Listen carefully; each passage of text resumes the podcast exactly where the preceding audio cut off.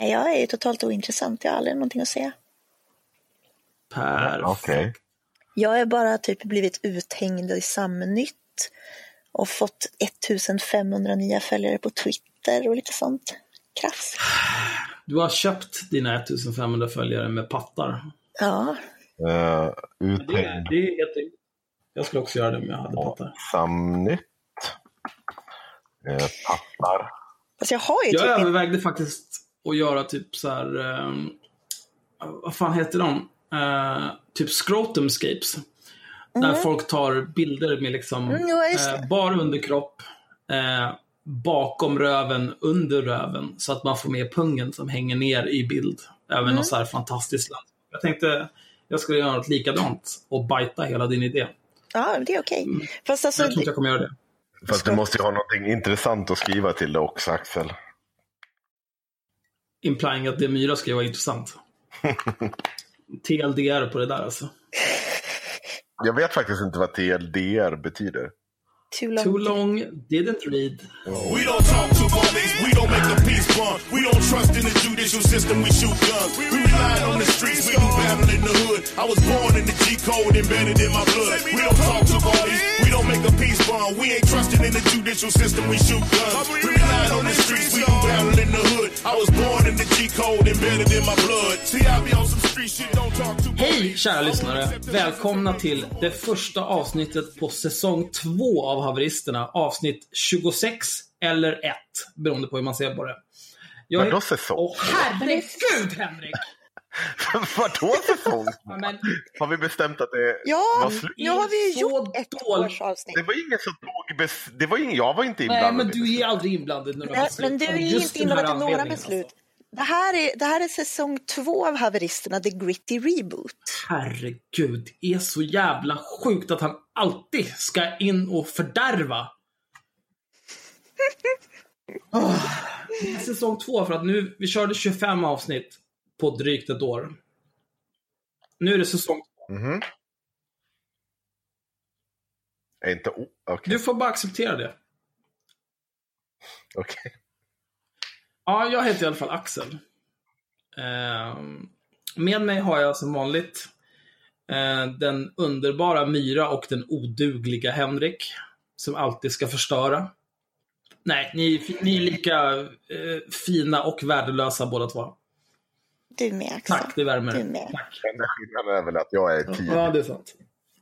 Vi hade inte satt någon tid Nej, idag. nej, men det, men det tog 20 minuter Nej, för dig nej. att fixa kaffe. Jag vet inte. Hur är det möjligt? Men jag dricker, nu dricker jag ju kaffe, nu är jag här. Jag hade ju precis ätit middag. Ja, det är helt rimligt. För, och, för, och för två dagar sedan skulle vi spela in Ja, också. men nu går vi vidare. Mm. Klockan är ja. 22.52. Det är lördag den eh, 28 april. Ja. Och eh, vi börjar dagen med att eh, ha lite högläsning ur ett förundersökningsprotokoll. Bakgrunden till det här är att eh, jag, eh, mm, jag hade olika åsikter om Samhällsnytt. De började grina. Eh, gjorde en polisanmälan. Eh, jag trodde att eh, Mattias Albinsson, som reportern heter där på Samhällsnytt, jag trodde att han hittade på, precis som Roger Sahlström gjorde alla 3000 gånger han sa att han hade gjort en polisanmälan. Men sen så fick jag en kallelse och i torsdags så var jag på förhör hos eh, Farbror Blå. Eh, och jag har nu fått, det, på morgonen, dagen efter, igår alltså i fredags, så fick jag en kopia av förundersökningsprotokollet. Jag tänker att jag kan till och med unna våra patrons att eh, jag laddar upp det på Patreon så att ni kan få läsa det själva i lugn och ro. Ja, men det är bra. Mm, sån är jag. Men jag tänkte, tänkte läsa utvalda delar av det här jävla tramset.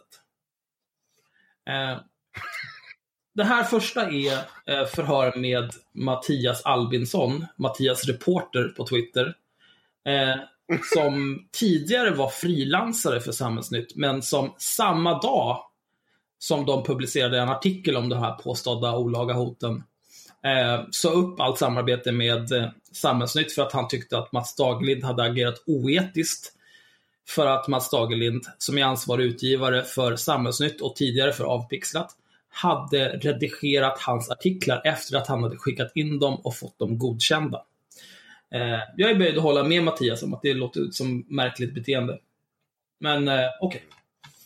Eh, det första jag noterar i det här förundersökningsprotokollet är att eh, den som har sammanställt förhöret med eh, Mattias Albinsson skriver konsekvent i hela sin kommentar Alex Luo Öhman. Alltså, ät kuk! Vet du hur mycket skatt jag betalar? Stava mitt namn rätt. Är ni CP? Nej, jag blir så arg. Det är egentligen den största kränkningen i allt det här jävla tramset.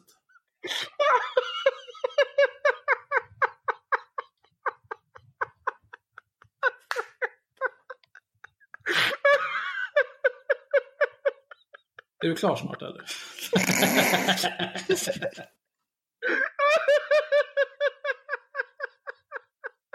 Vi behöver ha någon sorts soundbite på den här.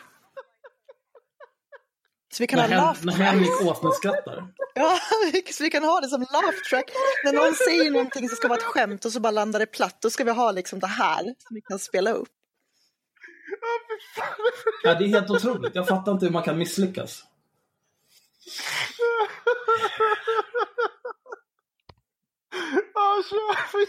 Ja, men du, du får skratta i bakgrunden. Nu tänker jag börja läsa för det här tar för lång tid. Eh, det här är då fritext grundanmälan. Brottet. Alex Luo Öhman har skrivit på Twitter att Mattias, Mattias Albinsson och Mats Dagerlind är horungar och att de ska ha nackskott. Historik. Jag kan inte skratta åt det här. Matti- Tyst nu! Mattias arbetar som frilansjournalist på tidningen Samhällsnytt. Ansvarig utgivare är Mats Dagerlind. Tidningen är ett grundlagsskyddat medium. Händelse.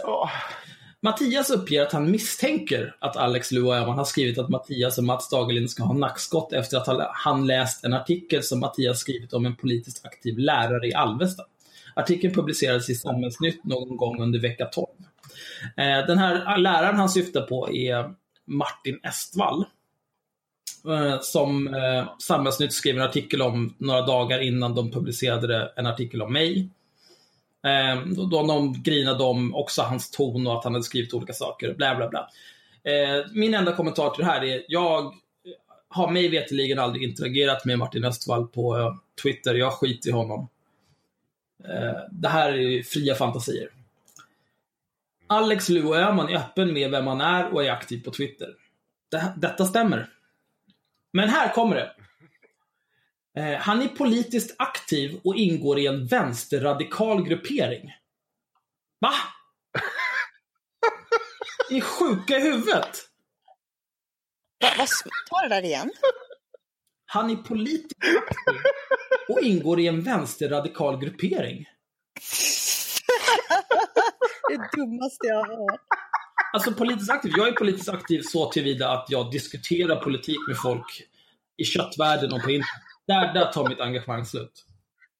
Några vänsterradikala grupperingar, det, jag vet inte, vad skulle det vara? Eh, jag är medlem i Unionen, som är ett fackförbund. Och jag är medlem i eh, Syndikalisterna, som också är ett fackförbund. Men i övrigt så har jag inga medlemskap, officiella eller inofficiella. Så att, men fackförbund kanske är vänsterradikala nu för tiden. Pisshuvuden.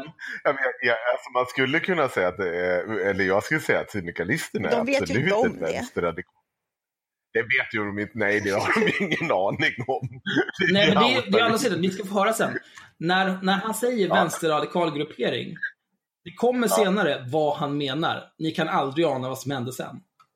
Ja, är det redan? Ja, förlåt, jag ska ja. inte gå händelserna i förväg. Trots att han blivit uppmanad av läsare att ta bort inläggen på Twitter har han inte gjort det.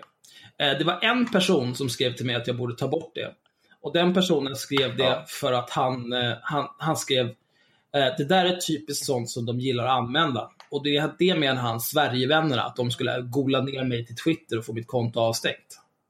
Det var ingen som tyckte så här, åh nej, så där kan du inte säga om de här fina killarna. Eh, det där kan uppfattas... Eh.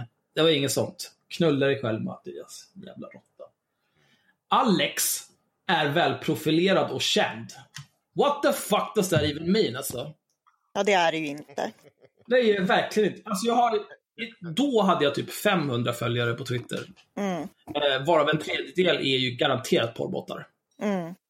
Ja, har du inte blockat, har du inte plockat bort några porrbottar så är det ju några Nej, men jag pallar inte. Jag orkar inte engagera mig i det där. Mm. Jag har inte den typen av tid. Nej. Eh, Mattias är inte rädd för sitt liv, men han fruktar att det kan finnas folk i läsekretsen som är våldsbenägna och kapabla att göra vad som helst. Va? Som vilka då? Du... men, men grabben är ju paranoid. Han behöver ju vård. Men, men det här är ett genomgående tema. Jag tänker inte läsa vad Mats Dagerlind skriver, för det är bara rappakalja. Men de skriver båda, alltså det är så roligt det här, för att de skriver båda två så här. Nej, jag, jag är inte rädd. Jag är inte rädd. Jag har ganska bred pung. Men, Men det är ändå så här, det finns någon form av så här vagt hot som det här. Ja, det kan finnas folk i läsekretsen som är våldsbenägna och kapabla att göra vad som helst. då är det ja, okej. men det, det det kan finnas folk som är våldsbenägna och kapabla att göra vad som helst när du tar tunnelbanan. Är du efterbliven? Du tar tunnelbanan ändå. men det är bara, de, de, vill ju liksom, de, vill ju, de vill ju bara understryka hur tuffa de är, men samtidigt så måste de ju säga att det finns ett hot. Och det är ju så här, de kan inte, om man nu tror på riktigt att det finns sådana som kan vara kapabla till vad som helst, då är man ju rädd, annars är man ju dum i huvudet. Man kan inte liksom, hur dum är man, det är om, man om man tror att det är sant? Då ska man ju vara rädd. Ja, men det, det är precis det du sa där. Att de, grejen är så här. Jag tolkar det så här. De, för att göra den här anmälan trovärdig så måste de säga att det finns någon form av hot eller att det finns, det finns något okänt, någon okänd variabel som kan vara ett hot. Mm. Men samtidigt, Nej, men så här. Men låt dem samtidigt så kan... Tyst! Samtidigt så kan de inte så här säga att de är rädda. För att då tappar de ju anseende inför sina idioter till följare. Ja, för du vet, de vet ju att du kommer sitta och läsa upp det här liksom. Nej, jag vet inte om de ens har lyssnat på den. Jag, jag har ingen aning. Om du lyssnade på mig en Ja, det kan jag göra. Så är en, en av förutsättningarna för att du ska eh, varit, varit utsatt för olaga hot är att du eh, känner allvarlig rädsla för att det ska ske. Nå, Det är liksom, eh, Jo, nej, nej. det är det. Det det Men är de, de säger ju själva att de inte känner sig hotade. Att de inte är rädda. Oh. Nej, då är, det då, är, då är det väldigt svårt att bevisa ett olaga Jo, hot. men det, Det är, men det behöver inte vara så att den personen som, som det här påstådda hotet har riktats mot känner rädsla, utan man, det, rätten kan göra bedömningen att en normal person skulle känna rädsla inför det här också. Som jag har förstått det. Jag är ju inte jurist, men jag, vem vet, vem bryr sig? I alla fall, vi går raskt vidare till nästa del. Ehm, här är ju någonting som är... Här, nu läser jag. Jag tänker, Ja, vi, vi reder ut direkt. Lawline. Om en person säger att den här sista var ett olaga hot. Hej, eh, tack, för ditt, eh, ta- tack för att du vänder dig till det här tänker jag inte göra reklam för. Eh, om någon lyfter vapen mot en annars eh, hotar med eh, brottslig gärning på så sätt som ägnar eh, att hos den hotade framkalla allvarlig, fruktig, eller, allvarlig fruktan egen eller för annans säkerhet till en person eller egendom döms personen i paragrafen för olaga hot. Grundrekvisitet är att det måste föreligga ett hot om brottslig gärning, till exempel vapen och bla bla bla. Eh, nu ska vi se, hoppa fram då. Vidare ska hotet varit ägnat eh, hos den hotade framkallat allvarlig fruktan för egen eller annan säkerhet. Det står i lagen. Du måste, alltså så, som mottagare av det här hotet, måste du ha upplevt eh, fruktan. Du kan inte gå in och säga så till polis. Det är faktiskt ett stort neggo. Eh, att om du sitter och säger att jag inte dugg, känner mig inte dugg hotad. Nej, då har du nog inte heller utsatts för ett olaga hot. Nej, Jag har ju, jag har ju konfererat med eh, vår jourhavande jurist och vår jourhavande Mm. före detta polis och de garvade ju bara. Mm. Jo, men, men har, har jag, menar på att jag Ja, har rätt. jag, här. jag, jag ger dig Ja. rätt i den här frågan, absolut. Ja. Jag har inget problem med att du har rätt här. Men nu tänkte jag, det här var ju sammanfattningen, men nu tänkte jag läsa här allt som Mattias hade. Eh, och jag tar det utan kommentarer och så kan vi prata om det sen. Särskilt där ni omnämns eh, på, på omvägar. På omvägar. Ja, ja, okej. Förhörsledaren, berätta vad som har hänt. Mattias. Jag uppmärksammades förra helgen, den 25 mars, om en kommentar på Twitter som hade skrivit av Axel Lua Öhman. Här klarar de av stavning. Nu, nu blir det kommentaren då, för det blir så jävla arg när jag läser det här. Eh, nu klarar de av att stava mitt namn rätt. Men också så här, jag uppmärksammades. Du var taggad i posten, din jävla råtta. Håll inte på och lek. Jag uppmärksammades förra helgen den 25 mars om en kommentar på Twitter som hade skrivits av Axel Lua Öhman som handlade om nackskott. Kommentaren var med anledning av en artikel som jag hade skrivit veckan innan. Det vet du ingenting om din jävla fitta. Jag förstod att det fanns flera kommentarer, en till som handlade om nackskott och andra med otrevligt innehåll. Jag reagerade på det här hotfulla språket när det handlade om nackskott. Axel är en halvkänd profil. Här kommer det. Meme Review. Han tillhör gruppen Inte Rasist Män som granskar Sverigedemokraterna. Nej, det är. Det är klart. Ja, det är klart att de ska försöka få in oss på ett hörn. Jo, men det är ju det som är Ja. syftet med det här. Mm. Om jag Ja. inte hade gjort podd med er så hade de inte brytt sig. Nej. Eh, jag såg också att det var minst en person av hans vän, en person av hans vänner som reagerade starkt på vad han skrivit och skrev att han borde ta bort det där. Men han skrev fler hot istället. Och det var ju den här personen som inte ville att jag skulle bli blockad av Twitter. Inte Mm. att, för att det var någon form av hot. Nej. Jag tänkte just då att jag avvaktar för att se om han kanske självmant tar bort kommentaren. På måndagen när kommentaren fortfarande fanns kvar bestämde jag mig för att polisanmäla. Good fucking job Mattias, du är en riktig samhällshjälte. Jag vill att en åklagare ska titta på om det här är brott mot medborgerlig frihet. CP. Det är problematiskt om den här typen av hot mot journalister, journalister normaliseras. Det finns risk att man börjar självcensurera sig, men kanske, man kanske har barn och blir orolig för sin familj. Jag vill i första hand prova om det här kan utgöra brott mot medborgerlig frihet, men i andra hand olaga hot. Jag tycker man går över gränsen när man skriver rena hot på det här sättet. Alltså, jag gillar hur han så här, han, först börjar han pepprar med nackskott i varje mening. Sen så Mm. kör han olaga hot i varje mening. Jag gillar det. Det, det, är, det blir så otroligt tydligt att han har en agenda. Jag gillar det. Mm. Eh, förhörsledaren, hur tänkte du när du läste kommentaren om nackskott? Jag blev förvånad att någon gick så långt. Han är inte en okänd person och han skriver ju i eget namn.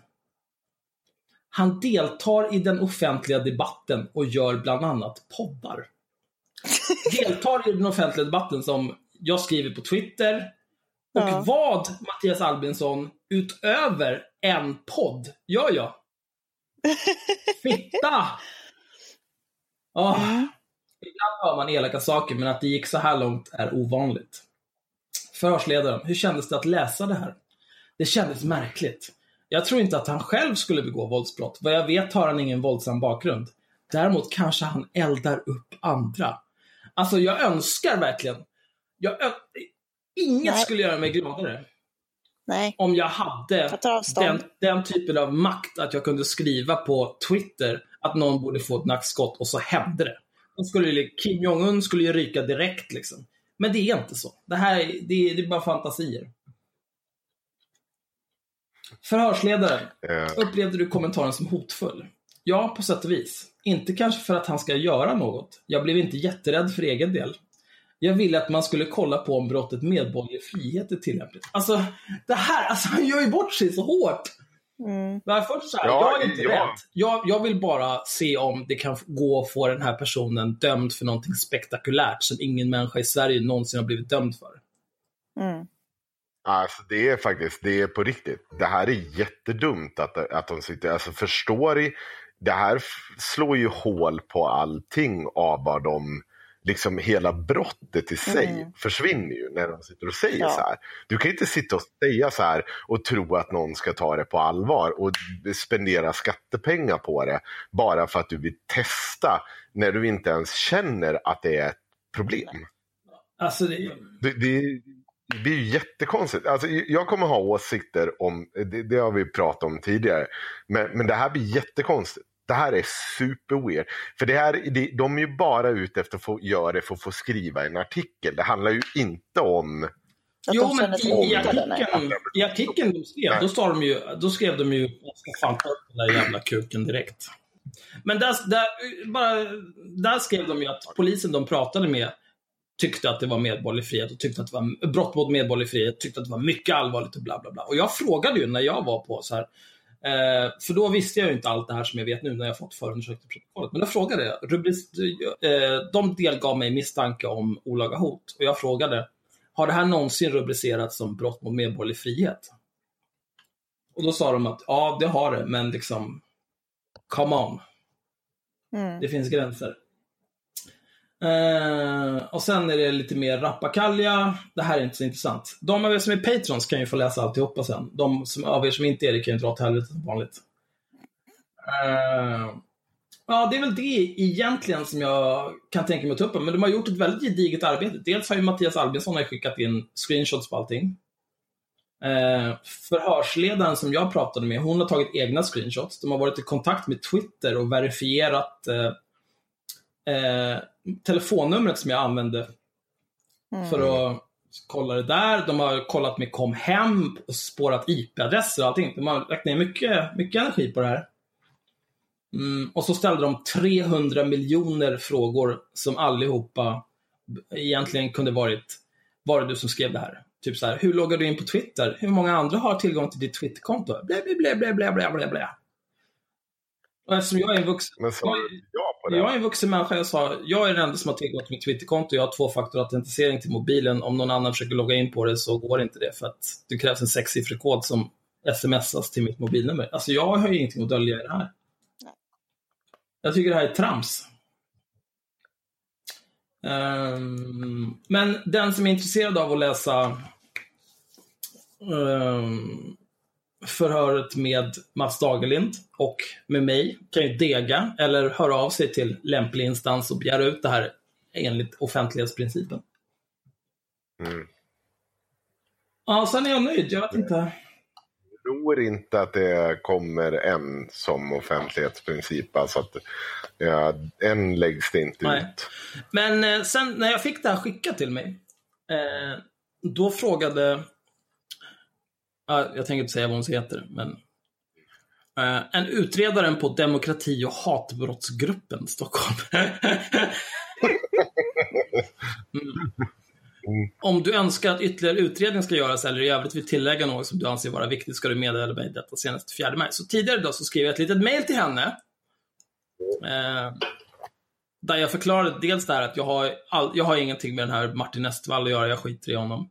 Eh, att jag heter Axel och inte Alex.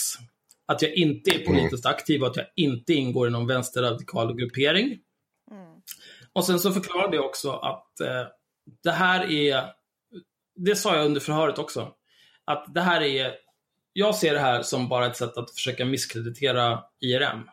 Mm. För att jag, jag, jag, har, jag har svårt att tänka mig att de, de såg något allvarligt hot i det här. Jag tror att de skiter i mig överlag. Det finns ju en anledning till att de tar upp i det Mm. varje gång som de pratar om dig. Mm. Liksom. Ja, och det tog jag upp också. Men samtidigt så passade det också på för att liksom, det här får ju, den här typen av artiklar. Eh, jag vet att Martin Estvall, för jag kollade, jag läste artikeln om honom i Samhällsnytt och sen så kollade jag på hans Twitterkonto. Då hade han, eh, vad fan heter det, protected tweets, där man bara, man måste vara följare för att få se vad han skriver och så vidare. Och så här, jag kan tänka mig att han var nog inte riktigt beredd på den shitstorm som blev av det där. Personligen så hade jag ju tur på sätt och vis för att eh, det var ju precis innan påskhelgen. Mm. Så liksom till och med Sverigevännerna har ju bättre saker för sig än att, att vara efterblivna. Men jag har sammanställt lite grann eh, vad, det här, vad deras artikel har resulterat i. Dels så var det en artikel i Nyheter Idag som ligger bakom deras paywall. Mm. Jag blev också en artikel på Fria Tider. Petterssons blogg skrev om det. Mm. Eh, det finns en tråd på Reddit som startades av våra kära vänner på Bubbla, Sofia Arkestål, et al. An- Ankjävlarna. Mm.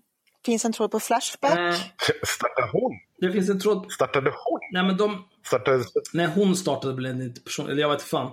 Men Bubbla har en subreddit där de publicerar nyheter. Den tråden de skapade där, det var typ så här. Vänsterprofil polisanmäld, inga kommentarer. För ingen bryr sig om dem, för de är två tards på Malta som sitter och gör IT-tider. finns en Flashback-tråd också som jag Eh. om.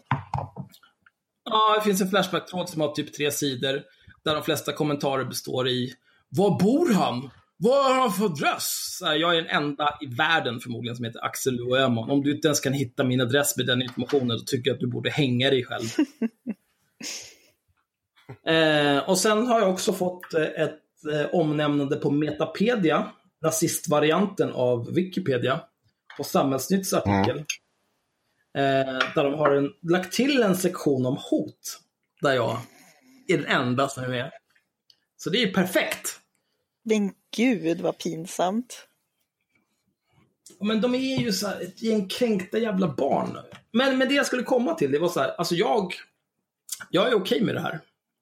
Eh, jag, är, jag har ju liksom sagt ifrån på internet i typ 17 år.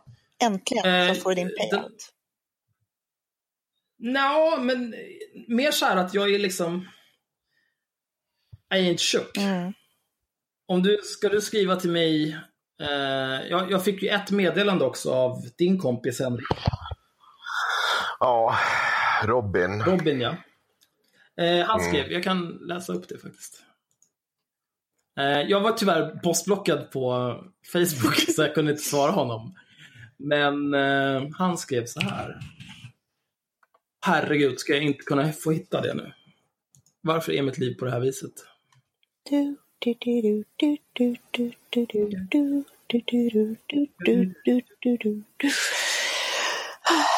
Nej, jag hittar den. Jag har den. Eh, 29 mars 1845 så skriver han Vem ska ha nack, skott? Särskrivet, givetvis. Mm. Henrik kanske. Karma kommer ta hand om dig, var så säker. 30 mars 11.48 skriver han Hallå tjockisen! Hälsa Henrik! Från mig, Träffade hans mamma. Hon var lika söt som Henrik. 30 mars 17.54. Du har gjort bort dig. Du går inte säkert. Tjockis. Inte Henrik heller. Fattar du? Eller? 3L. Där är alltså snubben som blev dömd för hot mot Ja. Henrik. Han har inte Ja, men lärt sig han är ju psyksjuk. Som jag förstår det. Han är inte det. Han, är Han är bara han knarkar bara en massa. Ja. Nej, han är, ja, det är redan avklarat. Han är inte psyksjuk. Han är inte bedömd som psyksjuk. Men eh, är inte det där grund för att anmäla honom igen? Det är klart det är. Mm. Jo, men alltså jag, eh, jag bifogade screenshot på det här när jag skickade det här mejlet till förhörsledaren. Och så skrev jag så här, jag är inte särskilt brydd liksom. För att, eh, Men det har ju ingen relevans. För Nej, honom. nej, nej, men... Eh, jag menade mer så här att jag är inte brydd över den här typen av uppmärksamhet från den här pöbeln. För att jag har gjort det här i, i snart två årtionden. Alltså jag är van vid det här tramset. Det är fortfarande pinsamt. Det är fortfarande lite pinsamt att du skickar det till förhörsledaren. Varför, har det, varför ska det med till henne för? Varför inte? Ja, då ska du ju upprätta en anmälan. Nej. Jo, för vad, har det med saken? Det påverkar ju, det påverkar ju ingenting lagmässigt att, eh, Nej, men jag... att någon annan har kontaktat Nej, men jag har väl inte påstått det heller, din kuk. Nej, men varför skickar du med då? Nej, men för att jag, jag kände... Det, jag hade liksom ett tema i hela min text jag skrev. Dels så inkluderade jag alla de här länkarna och så här, kommenterade kring det här att jag skulle vara politiskt aktiv och ingå i en vänsterradikal gruppering och bla bla bla. Ehm, och sen så, så förklarade jag, för att de liksom... De, dels när jag var på förhöret, de visste ju inte att av, eh, Samhällsnytt hade skrivit den här artikeln Nej. som de gjorde. Ehm, och jag vet inte, de verkade ha dålig koll överlag. Så, men det är okej. Men då försökte jag liksom förklara hur, hur den här, eh, alla de här tin, eller liksom, vad ska man ska säga, alternativa medierna, hur de arbetar.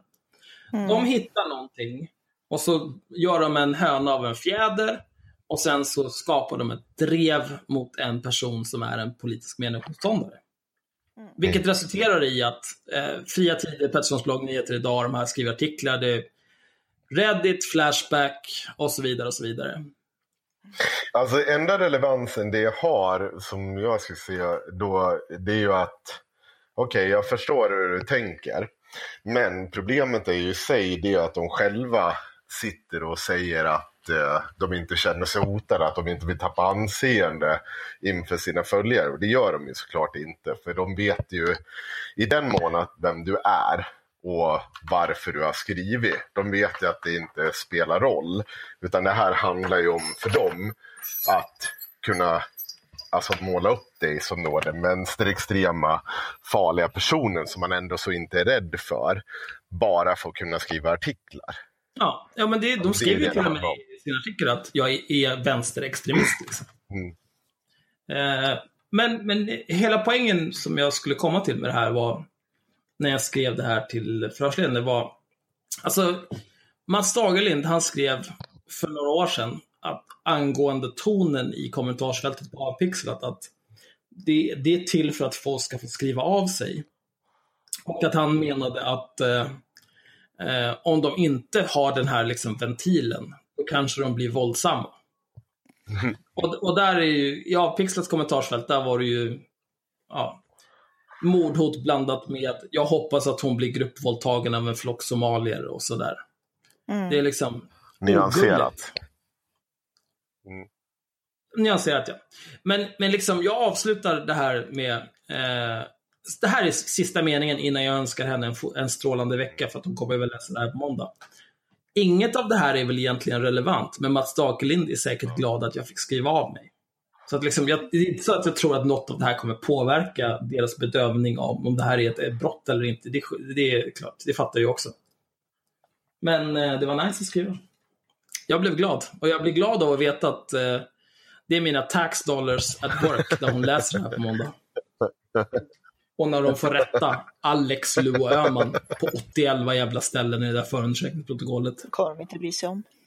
Nej, men då är det inte jag. Jag vägrar. Jag vägrar. Jag tar inte ansvar. Jag heter Axel. Niggas, they hit the pen, they get charged and get out on a rule 35. He informing for the cops. You can hear it in his voice. I listen to the tapes. Now you showing up in court, testifying for the state. We don't talk to police. We don't make a Myra, Men jag fick, fick jag prata klart om det? Ja, ja, men vad har du mer att säga? Har du någonting intressant att säga? Nej, få- få- Kör det, Mira. Vadå? Du ska få ett intro, Myra.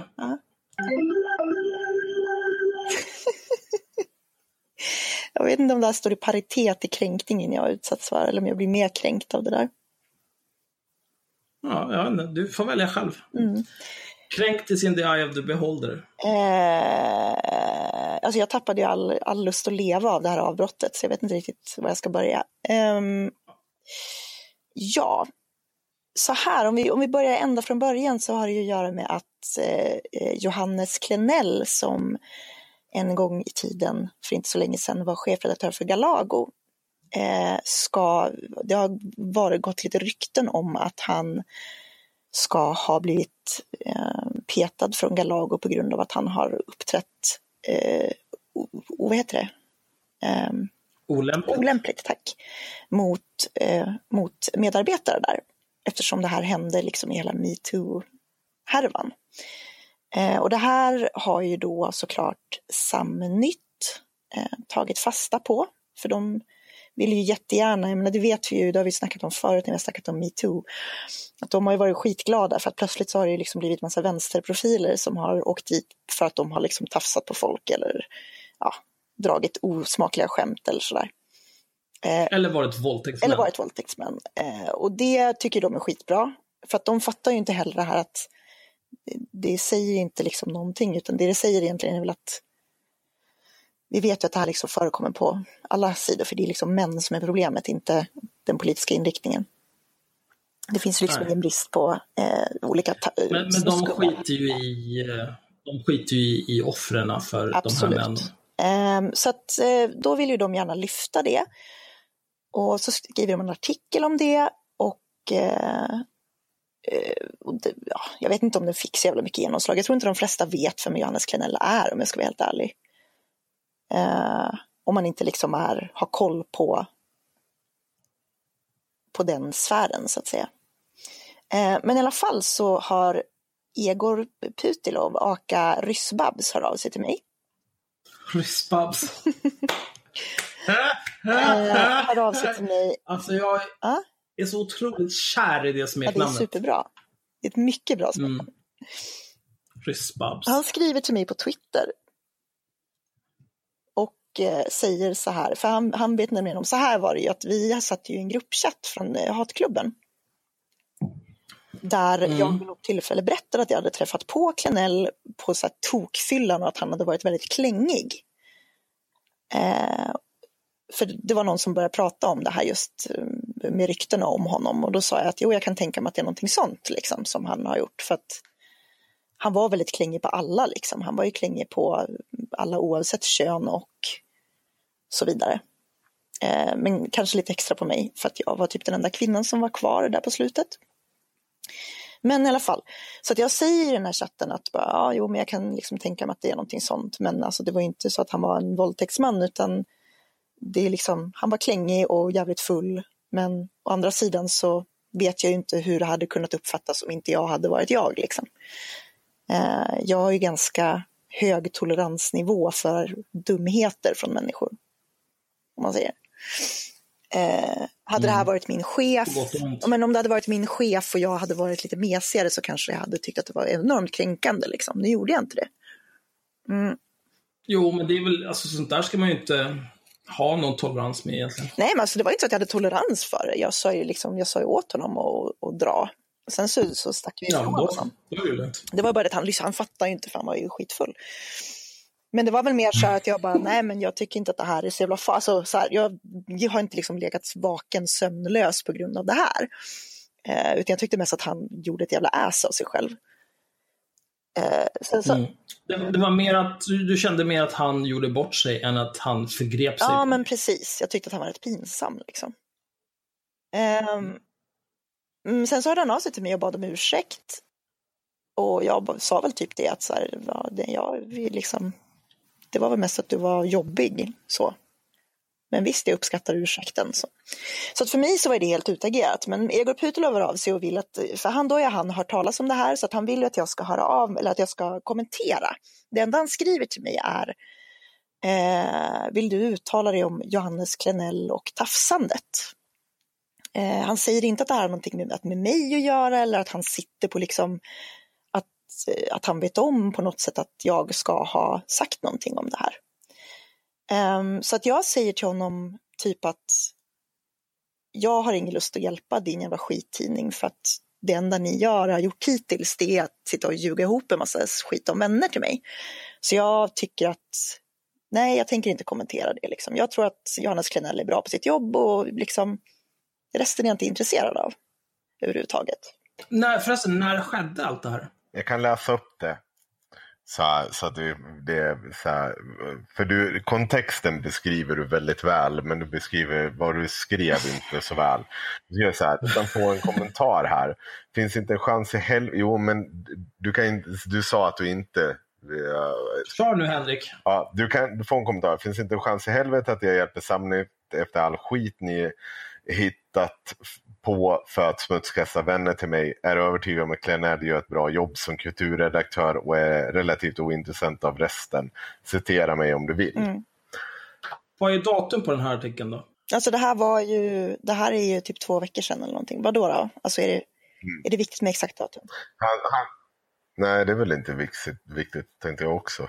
Är inte så. Nej, nej jag bara Hans undrade. frå- hans fråga är för, så här- för, läsarnas, eller för tittarnas, eh, Men det är nog fan, lyssnarnas skull. Ja, men så här, hej Myra, skulle du vilja ställa upp på en intervju? Det handlar om Klenell och tafsandet. Det går bra både anonymt och öppet, beror på hur du vill. Och då är det ju så här, det är ju inte någonting Myra har påstått i eh, den här konversationen som han, hon säger att han är handsy. Är Alltså nu går ju händelserna i förväg jättemycket, Henrik. Okej. Så att det som händer är att han kontaktar mig för att fråga om jag vill kommentera Klenell och tafsandet. Han säger ingenting om att, det här, att han vill intervjua mig på grund av att jag ska ha utsatts för något tafsande, utan bara Klenell och tafsandet i största allmänhet. Och det har han ju skrivit en, eh, en artikel om redan. Okej. Och jag säger nej, Paus, paus, paus, paus, paus. Får jag säga en sak Myra? Bara så att du fattar. Det, det är inte så att jag vill avbryta det. Det är faktiskt för din anmälan. Det är för, för, real för din anmälan. Om du säger, det, alltså det, du kan, det du säger nu kan användas emot dig i en anmälan. Och du har all rätt till den där jävla anmälan. Det är inte för att jag försöker men vadå? alltså, avbryta. Fast vad, det, Vem ska men du, du sa ju ingenting Nej. som jag inte redan hade sagt. Nej, jag vet, men ju- rätt och korrekt är viktigt nu. För du har gjort en Ja, men du polisanmälan. pratar inte om det alls, det- för jag kan inte sitta och berätta den här historien när du ska avbryta. Jo, men du kan det. Jag ska, kommer inte avbryta det. Jag ber om ursäkt, men lyssna på mig. Jag avbryter det endast för att du inte ska påverka anmälan, att det inte blir några Men felaktigheter. vad, vad sa jag för felaktigheter nu då som du rättade? Du sa till exempel att du hade sagt att det inte, vad heter det, att du inte ville bli, eh, att du inte ville bli citerad. Nej. Nej, hon, hon sa, citera mig om du vill. Okej, då hörde jag väldigt fel. Mm. Mm. Men, det, Men då går vi vidare. ja, men jag vill bara vara Ja, ja, ja. tydlig med att det var det Ja. jag menade. Åh gud, nu tappar jag. Varför, varför måste du alltid göra så jag tappar tråden Henrik? Vart så försvinner vad du? Sake, du har gjort en anmälan. Snälla, förlåt. Ja, Alltså, du så här, behöver inte förklara allting igen. Du behöver inte förklara allting igen, Henrik. Du behöver inte. Det är lugnt. Ah. Jag förstår. Eh... Okej. Fan, jag tänker bara börja om från början. Det här går inte. Jag kan inte... Ja, men det kan vi göra. Det kan vi göra. Go. Här får du. Du kan få citatet. Så att du...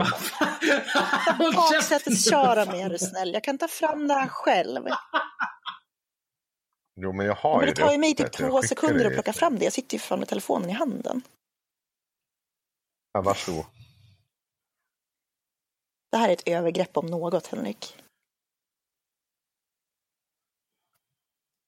Vad fan, det- skickade du det? Varför skickade du det? Var skickade du det? Ja, sängkonsters- men gud, den har inte jag ens uppe. Alltså, jag, sitter, jag har ju stängt av min skärm. Var ska jag ha den på? Ja, skitsamma, jag börjar om. Det där blir bara jättekonstigt, för jag har glömt bort var jag var någonstans. Ehm, Okej. Så här då. Eh, det finns en man som heter Jonas Kinell som eh, har tidigare varit eh, chefredaktör på Galago. Och i samband med metoo så var det så att han slutade på Galago och då spreds det en massa rykten, bland annat på Flashback, om att han skulle ha, ha liksom mer eller mindre blivit avsatt eller utpetad för att han skulle ha betett sig olämpligt mot kollegor till honom. Eh, det var en massa ryktesspridning om det på Flashback bland annat. Eh, och Samnytt plockade upp det här för de vill ju gärna visa på att vänstermän är faktiskt de som egentligen har dålig kvinnosyn.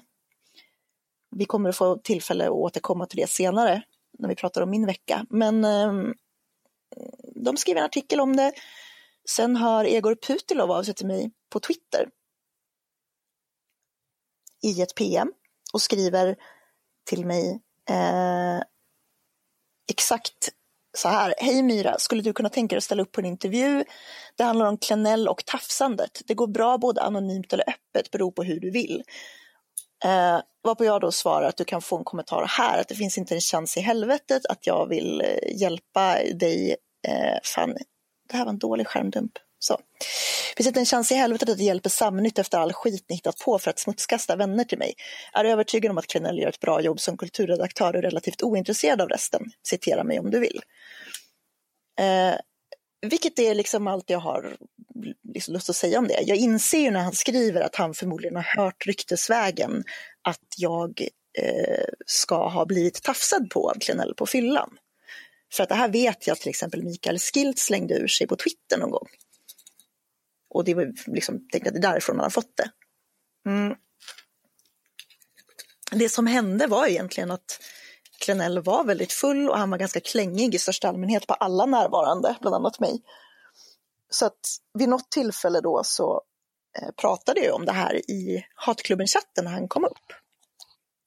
Och sa precis det. Han var full och klängig. Eh, jag tyckte väl liksom inte att det var, jag tyckte inte att det var så farligt, men däremot så undrar jag lite liksom hur det hade kunnat vara om jag inte hade varit jag, det vill säga ha ganska mycket liksom integritet och kan säga ifrån och så vidare. Det var typ det jag skrev. Eh, sen tar det typ några timmar. Eh, han fortsätter ju försöka pressa mig på svar. Eh, Egor Putilov. Ryssbabs. Ryssbabs, yes. Han börjar då med att säga ehm, att tack för svaret, du ville dock spöa din vän efter att han kladdat på dig. Eh, vilket jag inte svarar på. Då skriver han, jag tror rent generellt att fler måste våga prata om sexövergrepp. Alla tjejer är inte lika tuffa som du. Därför är det viktigt att sådana här saker också reds ut ordentligt så inte fler drabbas. Så det är större än bara samnytt eller skit på enskilda människor. Han är så jävla äcklig alltså. Ja, och på det svarar jag, kanske hade varit relevant om det förekommit något sexövergrepp, men fortsätt du att slåss för kvinnors rättigheter, tillsammans är vi starka. Och så gör jag en sån här brofist emoji. För jag tycker att det är så uppenbart att det här handlar liksom inte om att han tycker synd om kvinnor, utan det här handlar om att han vill skuldbelägga mig till att prata om det. Typ, tänk på alla andra stackars kvinnor som inte är lika starka som du. Du borde prata för deras skull. Och jag vet ju liksom hur jävla slemmig den här typen är. Ehm, så sen så svarar inte jag något mer. Eller jo, jag skriver en grej till. Han säger, menar du att en man i maktposition tafsar på en kvinna inte tillräckligt seriöst? Och sen skriver han, kan du förklara vad du menar med sexövergrepp? För det första så är ju inte Klenell i en maktposition över mig, så det är totalt irrelevant. Eh, och för det andra så frågar han då, vad, förklara vad jag menar med sexövergrepp. Och då skriver jag, det var ju du som tog upp det? frågetecken. Och sen så sket jag i honom för att jag var så här, det här är bara, det här är bara dumt. Han försöker liksom bara få ur, få ur mig liksom någonting han kan skriva om. Och jag är inte så jävla intresserad av det där för att i mitt, alltså, i, i mitt tycke så är det här någonting som är helt utagerat och inte någonting som Samnytt har med att göra. Um, så några timmar senare så kommer det lik förbannat upp en artikel. Har du tagit upp den Henrik? Mm. Ja, vad är det för rubrik på den? Jag, hörde en sak, jag hörde till och med en sak nu som stör mig så otroligt mycket. Eh, för att han, han bygger ju sitt eget case där. Eh, han, eh, nu ska vi se.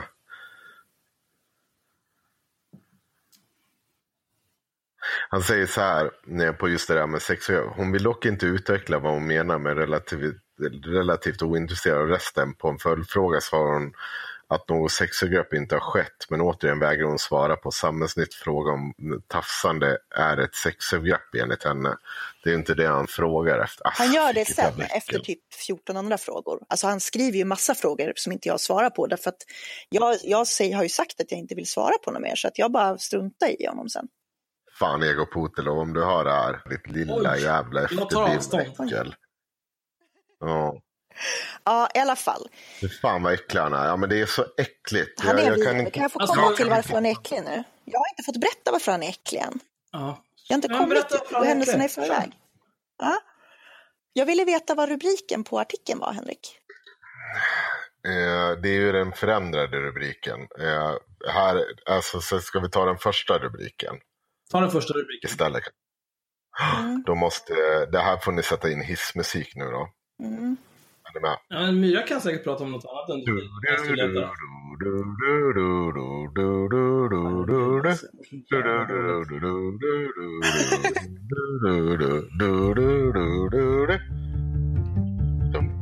Alltså är inte det porrmusik? Är inte det här typ någon kommer in med snoppen i Ja, det är nice. Jag gillar den. Men jag ska, till, till nästa gång vi spelar in, då ska jag ta mig tiden att eh, fixa lite eh, haveristernas specifika soundboard-grejer. Jag känner att jag behöver en, eh, en Pewdiepie. Mhm. Rattar du? Förlorar du? Mm, Ja. Se mannen. Hur går det? Ja, vi ska se. Har de ändrat om på Twitter nu? Har det där blivit förändrat? Nej, men det var ju hans tweet han hade skrivit i.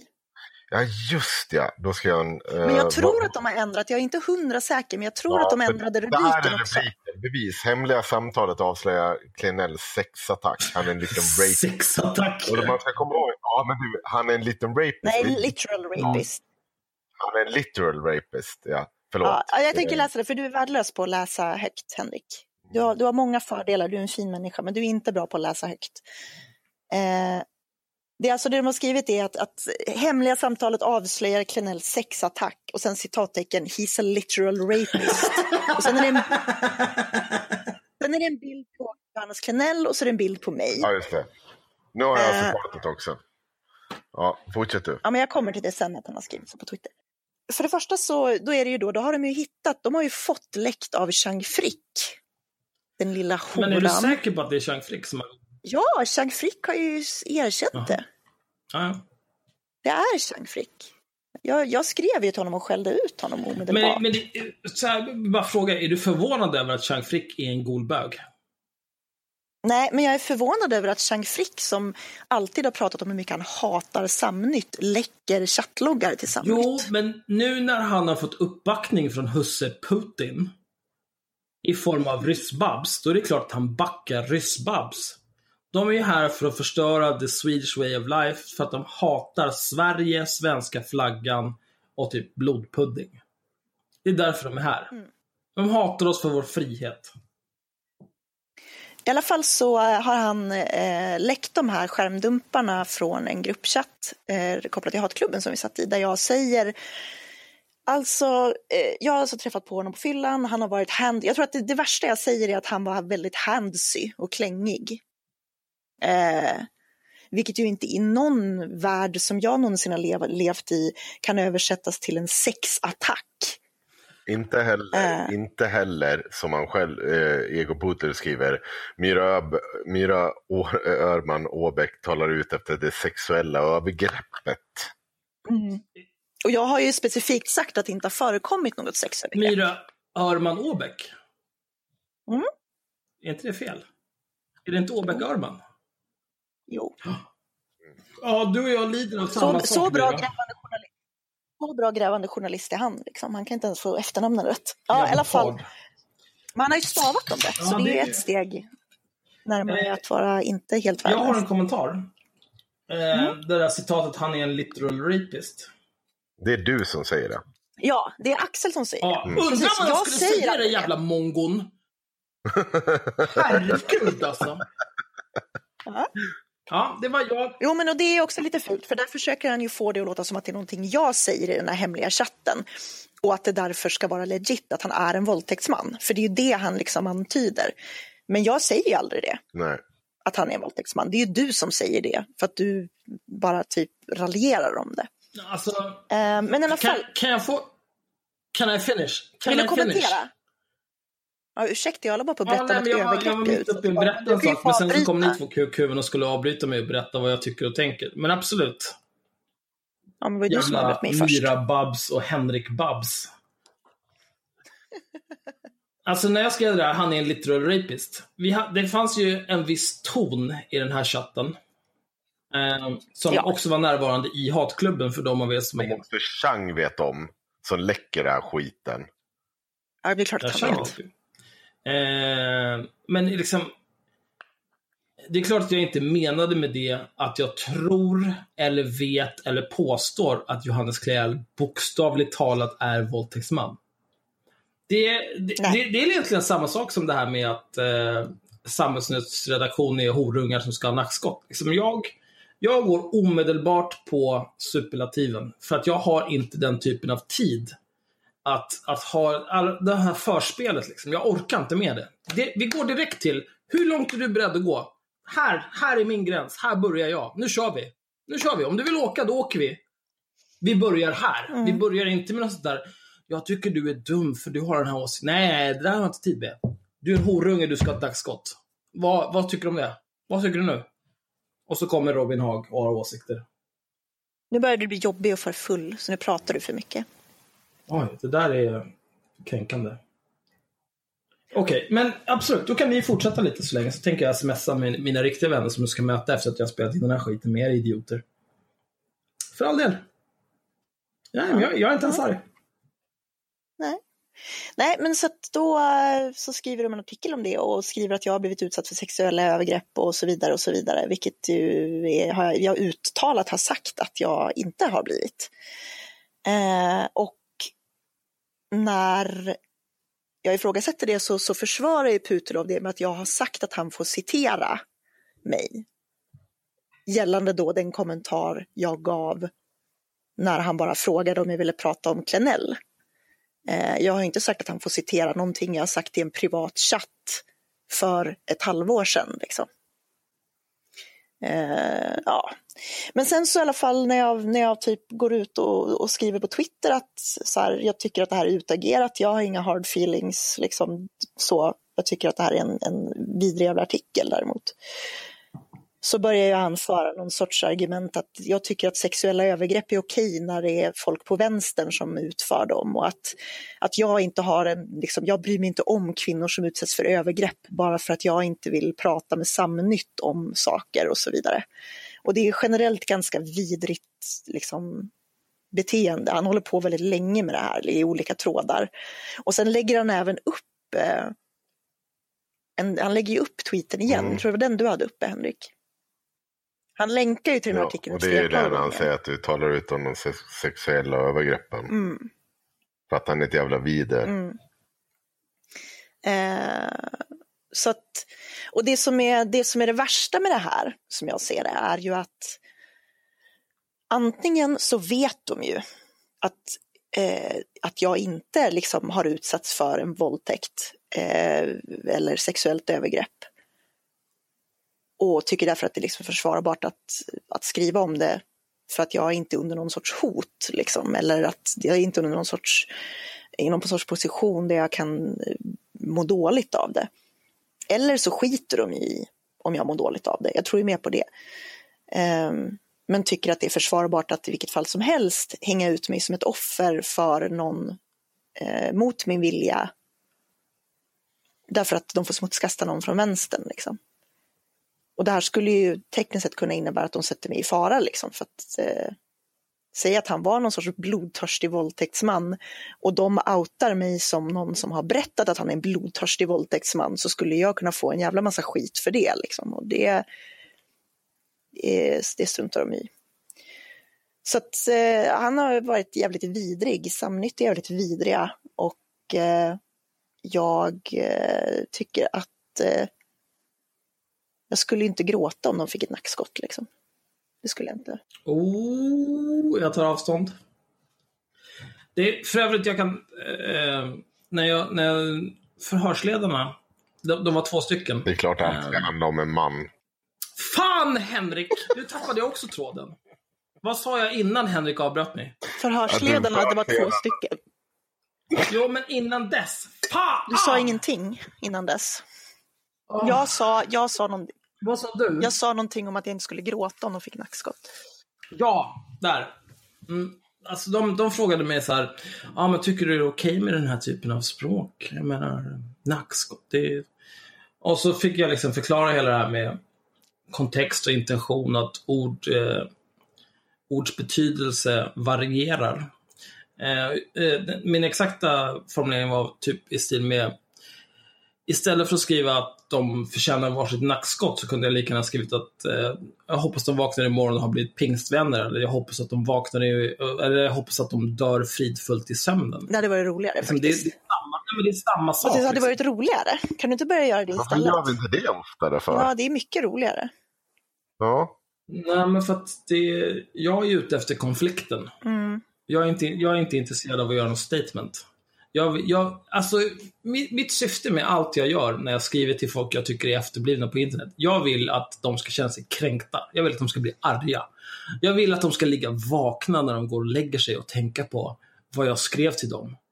Ja, Jag vill att det ska kännas ända in i märgen. Det kommer de ju inte göra. Inte? Nej. Vi gick ju och grina till Aina. Men det är ju bara för att de vill jävlas med dig. Eller med IRM snarare. Absolut.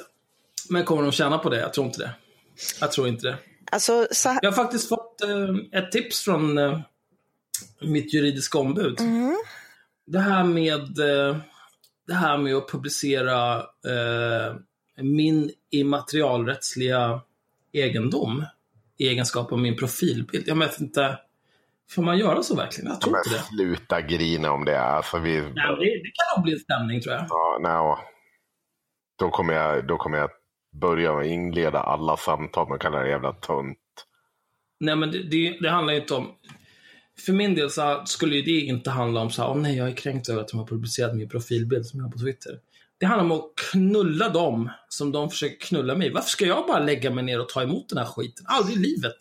jag köper det faktiskt. Alltså, you come for the king, you best not miss. Nu, nu tar jag avstånd, det där var töntigt.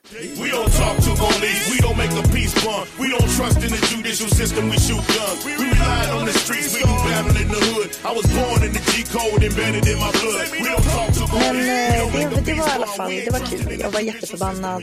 Eh, Ego Putlov kan ta en lång jävla promenad av en kort pir.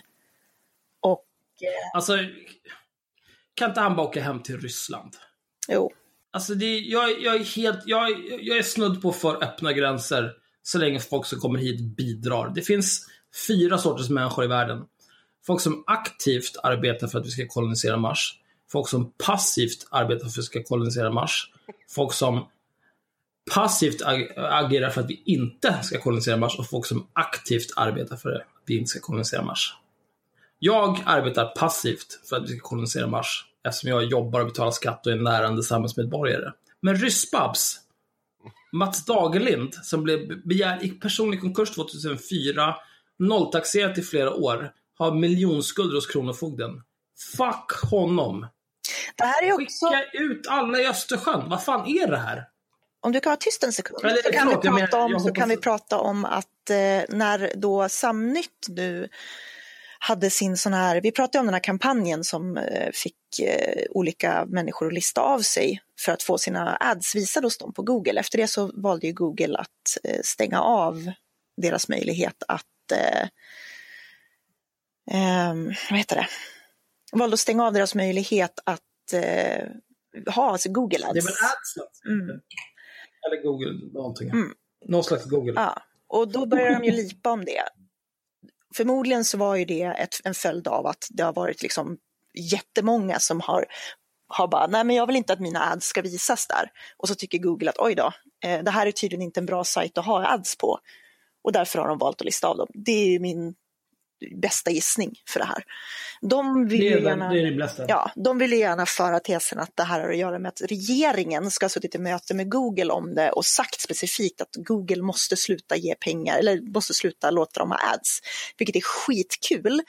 För att det bygger ju på att, att, att svenska staten skulle ha någon som helst inflytande över Google och det är en jätterolig tanke. Nej, men det är ju framförallt det här så här. Okej, du, har, du har en pissida på internet där du skriver en massa rappakalja. Tror du att Twitter, Google och regeringen har ett möte om dig? Mm. För att diskutera huruvida du ska få tjäna pengar på reklam? Jag skulle inte tro det va? Nej, det är dumheter. Men det som var kul då var att de gick ut och sa att "Ah, nej, men det här kommer ju inte, nu blir det ju, nu måste vi ju av, liksom, nu måste vi avskeda halva personalstyrkan. Bara det att de har ju inte, de är inte registrerade som arbetsgivare. Så då kan man ju fråga sig om de betalar skatt för sina anställda. Men om de inte är registrerade som arbetsgivare så har de ju inga anställda. Nej. Det här, jag, jag kan tänka mig, jag hade ändå tänkt eftersom vi nu eh, har en pågående, eller jag i alla fall, jag har en pågående fade Mm. med de här människorna. Eh, det här med att eh, Mats Dahlgren har nolltaxerat, det är gamla uppgifter. Så jag tänkte faktiskt under nästa vecka att försöka ta mig tiden att ringa till Skatteverket och ta reda på hur det ligger till med hans finanser. Så mycket som det går under vår fantastiska offentlighetsprincip. Eh, och sen så ska jag shamea honom ändlöst.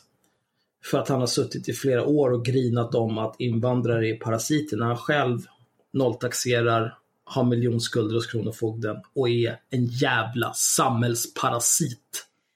Jag vet inte, de lurar väl alla de kommer över liksom. Men sen så kanske det kan vara, kan det inte vara så att de, de som skriver, säg att någon skriver en artikel eller whatever, eller gör någonting åt dem, att de fakturerar. Då är man ju inte anställd. Jag vet faktiskt inte hur det funkar. Henrik vet säkert. Inte jag heller, men jag är säker på att man kan få tag på en årsredovisning. Fast de säger ju faktiskt att de ska avskeda, de ska skära ner på sin personalstyrka. Ja. ja, det blir konstigt. Så att om någon vill kontakta Skatteverket och få dem att gräva i det där så är ju det en, ett hett tips. Jag tar på mig det. Mm. På grund av blodsfejd. Mm. Det låter bra. Jag skulle vilja se skatt eh, som kommer in och ut ur det där företaget. Jag tror inte riktigt på det, men det är fint att de vill eh, driva den tesen. Jag har ett par veckors semester nu. I sommar. Eh, och jag har inte riktigt vetat vad jag ska göra av dem. Jag vet att det kommer förmodligen vara en vecka i typ Göteborg eller Malmö, jag minns inte. Eh, jag kanske ska åka till Bali. Men det är typ en eller två veckor som jag inte vet vad jag ska göra av. Jag kan absolut tänka mig att vika den tiden till att förstöra livet för Mats Dagerlind, Mattias Albinsson och Egor Putilov. Mm. Mm. Jag klösa sönder era liv som om det vore en rutten jävla cykel alltså. Fy fan vilka råttor ni är. Ja, de är ganska vidriga. Ska vi gå vidare från samhällsnytt? Nu har vi kört en timme om det här jävla packet. Mm. Mm. Vad har vi mer? Henrik, du har inte fått prata idag. Nej. Du Nej. ville prata om Linnea Claesson. Vill du börja där? Nej, jag, jag, det är egentligen vill jag, jag, blir fortfarande lack över det. De, alltså, de är... Jag blir vansinnig på det de skrev om Myra. Det där kan jag inte riktigt hantera som normalt folk. Jävla pest. Människor. Men, eh, jag, vi, om, ska vi börja? Nej men det som vi har pratat om nyss. Att, de, att Ryssbabs ljuger. Mm. Ja, men jag tycker fortfarande det är vedervärdigt. Alltså, så jag tycker fortfarande... Ja, jag, jag tycker det är så, så bara, att man inte... Alltså, man sätter en person i det liksom, läget att antingen agera offer åt oss eller så kommer vi hänga ut det som en medhjälpare. Det jag tycker det är så jävla vedervärdigt. Och den där Putilov. Alltså, ja, det är liksom så här. Det, det, det, du kan liksom inte vinna det samtalet. Annars måste, antingen måste du bekräfta hans bild av vad som har hänt utan att ha varit medverkande. Eller så blir du en förövare, eller i, i viss mån. Eh, där En du- enabler. Mm. Ja, en enabler. Eh, och jag tycker det är så jävla vedervärdigt. Sen är det ju liksom, jag används ju som eh, någon sorts sanningsvittne för en massa andra historier. Som jag Som inte du vet ett vet skit någonting om. om. Liksom. Och det spelar ingen roll. Alltså, det här spelar ingen roll om det är sant. Alltså, så här, han kan ha Nej men det kan en väl ha gjort. Det- actual rapist. Ja. Det spelar ingen roll, för det vet inte du ett jävla skit om. Nej, nej, alltså jag kan ju bara prata om min egen, eh, alltså jag kan Ja. bara prata om min egen upplevelse. Eh, och, och, Och ja, det, här är, det här är den typ av propaganda de sysslar med. Och då kan vi komma in på Linnea Claesson. Då.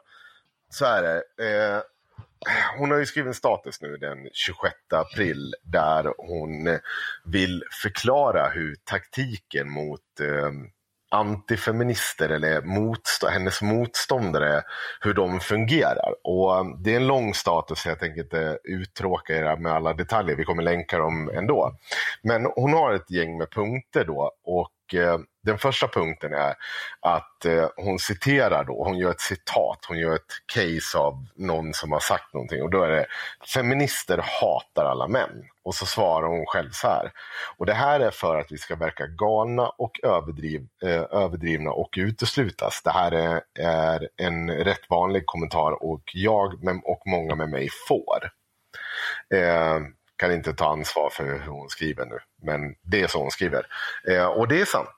Hon har en poäng i det. Det är väldigt många människor som vill eh, klandra feminister för eh, vad någon har sagt dittan och dattan och man tar gärna det värsta. Det är, det är liksom ingen nyhet. Det är så det funkar med alla rörelser. Det är sossar, det är feminister, det är antirasister, det är moderater. Ja, ja, men det, det, är som att, Ja. det är som att vi fattar skit för AFA. Liksom. Inte har någonting med AFA att Ja. göra överhuvudtaget. Bara för Ja, att man, vill, man, vill ha, man vill ha liksom det värsta. Eh, punkt två. Feminister ljuger. Eh, då är det liksom citatet. För att skapa missaktning, underkänna våra vittnesmål och framställa oss som oseriösa. Jag får ofta kommentarer om att jag skulle vara en lögnare mytoman, skriva allt detta hat och trakasserier till mig själv och så vidare. Det vill, man, det vill att gemene man inte ska tro tro oss så att vi inte eh, kan föra vår kamp framåt eller få med oss flera och stött, som stöttar. Det menar hon det att det är en taktik. Och den sista taktiken, och det här är den intressanta. Tre. Feminister kan inte skriva och eh, skriva slash tänka och är ointelligenta och eh, plagierar därför allt. Eh, och då är det då liksom den här plagiatdiskussionen och hon skriver själv så här, motivering till det här. För att vi ska framstå som okunniga och inkompetenta sprids om och om igen anklagelser om att kvinn, kvinnliga aktivister plagierar och snor allt de skriver. Jag har blivit anklagad för det två gånger. Som till exempel Fria Tider skrivit om och Twittermaffian drevat det kring. Här finns ingen möjlighet att svara eller ens förklara syftet med texten eller om de tagits ur sitt sammanhang. Om texten tagit ur sitt sammanhang, ja, det, det, det upprepas. Du är dömd på livstid. Ja, då har vi ju Ah, så, ah, ah, Mm. Jag räcker upp handen. Ah. Mm, räcker upp handen. Mm. Mm. Kör då. Varför ekar du Bara- hela tiden, Henrik? Hur är det Men Det är möjligt? nog för att jag, jag, jag, jag vet inte, det är för att jag Men det sätter är för mig att han och blir sitter så engagerad. att vi typ står och pratar in i en vägg. Ja, förlåt. Ja, var det bara det? Skulle ja, ja, nej, jag är, jag, är, jag, är, jag är publikfeminist. Fråga mig hur många gånger jag anklagas för plagiat. Hur många gånger har du gånger? anklagats för plagiat, Myra? Noll gånger. Noll gånger. Är det Noll gånger. kanske för att du inte har plagierat? Grejen är så här, Ja, jag råkar vara en välkänd, välprofilerad vänsterextremistisk eh, profil. Mm, som är Mm. engagerad i den politiska eller jag är eh, politiskt engagerad. I feministiska frågor givetvis. Mm. Jag har heller aldrig blivit I, i, den, I den offentliga debatten. Absolut, absolut. Jag är, jag är en mover och en shaker, en influencer, en dealbreaker, en dealbreaker, en dealmaker. Hej och. Nej, ja, jag vet inte. Men eh, anklagad för plagiat, det är väldigt få människor som har blivit det. Mm. Om man tittar på Och den feministiska vilka är, det sfären. då, vilka är det som har blivit anklagade för plagiat då? Ja, vi har Alexander Pascalido. Eh, eh, hon erkände också att hon hade plagierat. Hon motiverade det med att hon var trött och virrig och att hon hade missat. Hon hade faktiskt tagit med så mycket text av originalförfattaren som det faktiskt hade skett. Den andra är eh, Victoria Cavesa. Hon erkände inte plagiat. Hon blev däremot dömd för plagiat. Och den sista vad jag vet är Linnea Claesson. Som anklagas vid två tillfällen. Vid två tillfällen. Men- Det, det fin- Men är det styrkt, de två tillfällena, att det var plagierat? om, Vi kan länka så kan lyssnarna få Mm. bilda sin egen uppfattning. ja, vi, det är P1 Medierna som har tagit upp det här eh, och faktiskt skrivit om att det är väldigt stora delar. Alltså det här har ju testats i ett program och det är plagierat. Det gick inte igenom urkund kan Nej. jag säga. Det gick inte igenom urkund. Det hon gjorde nu senast eh, var ju att hon, hon företräder en jävla organisation och de har skrivit en rapport om eh, Ah. nationalistisk kvinnosyn. Vilket jag tyckte var lite intressant för jag är föreläst om nationalistisk kvinnosyn.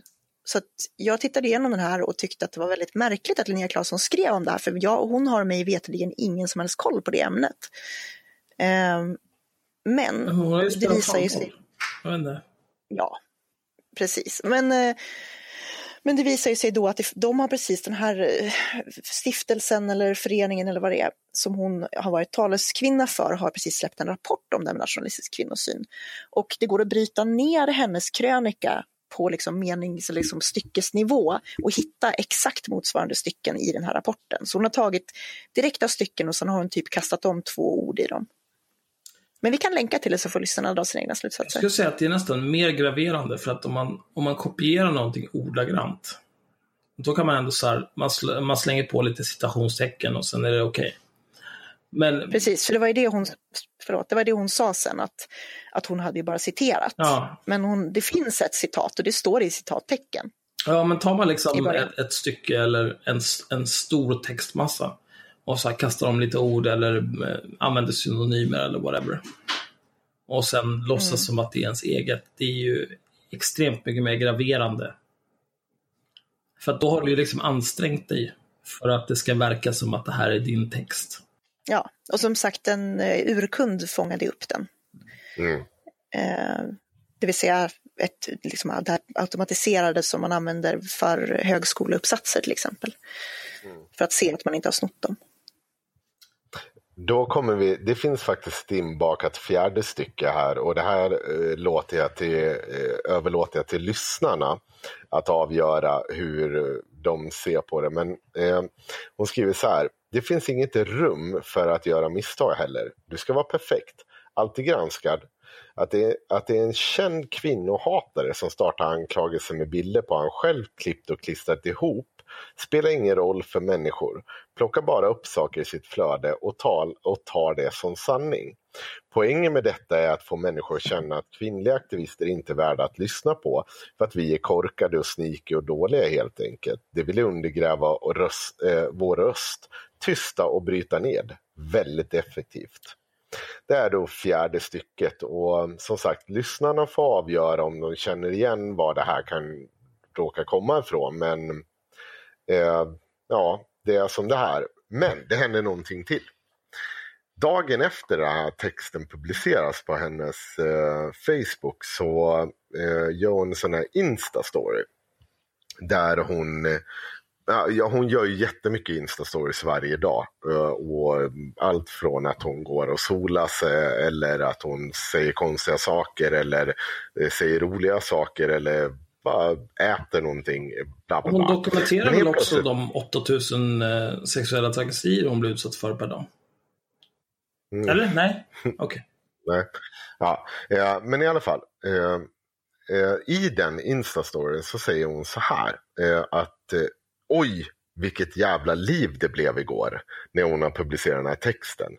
Eh, men eh, den var ju tvungen att sägas, säger hon. Alltså, jag, jag var inte beredd på livet det blev. Och, men den var tvungen att sägas. Det här är deras taktik och man måste förstå hur de jobbar.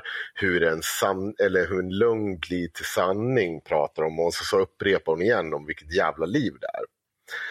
Och eh, jag känner bara att jag, jag, jag måste se om jag kan se spår av det här livet. Och mellan hennes Twitterkonto, hennes Facebookkonto och eh, hennes Instagramkonto så är det väl en där 500 kommentarer.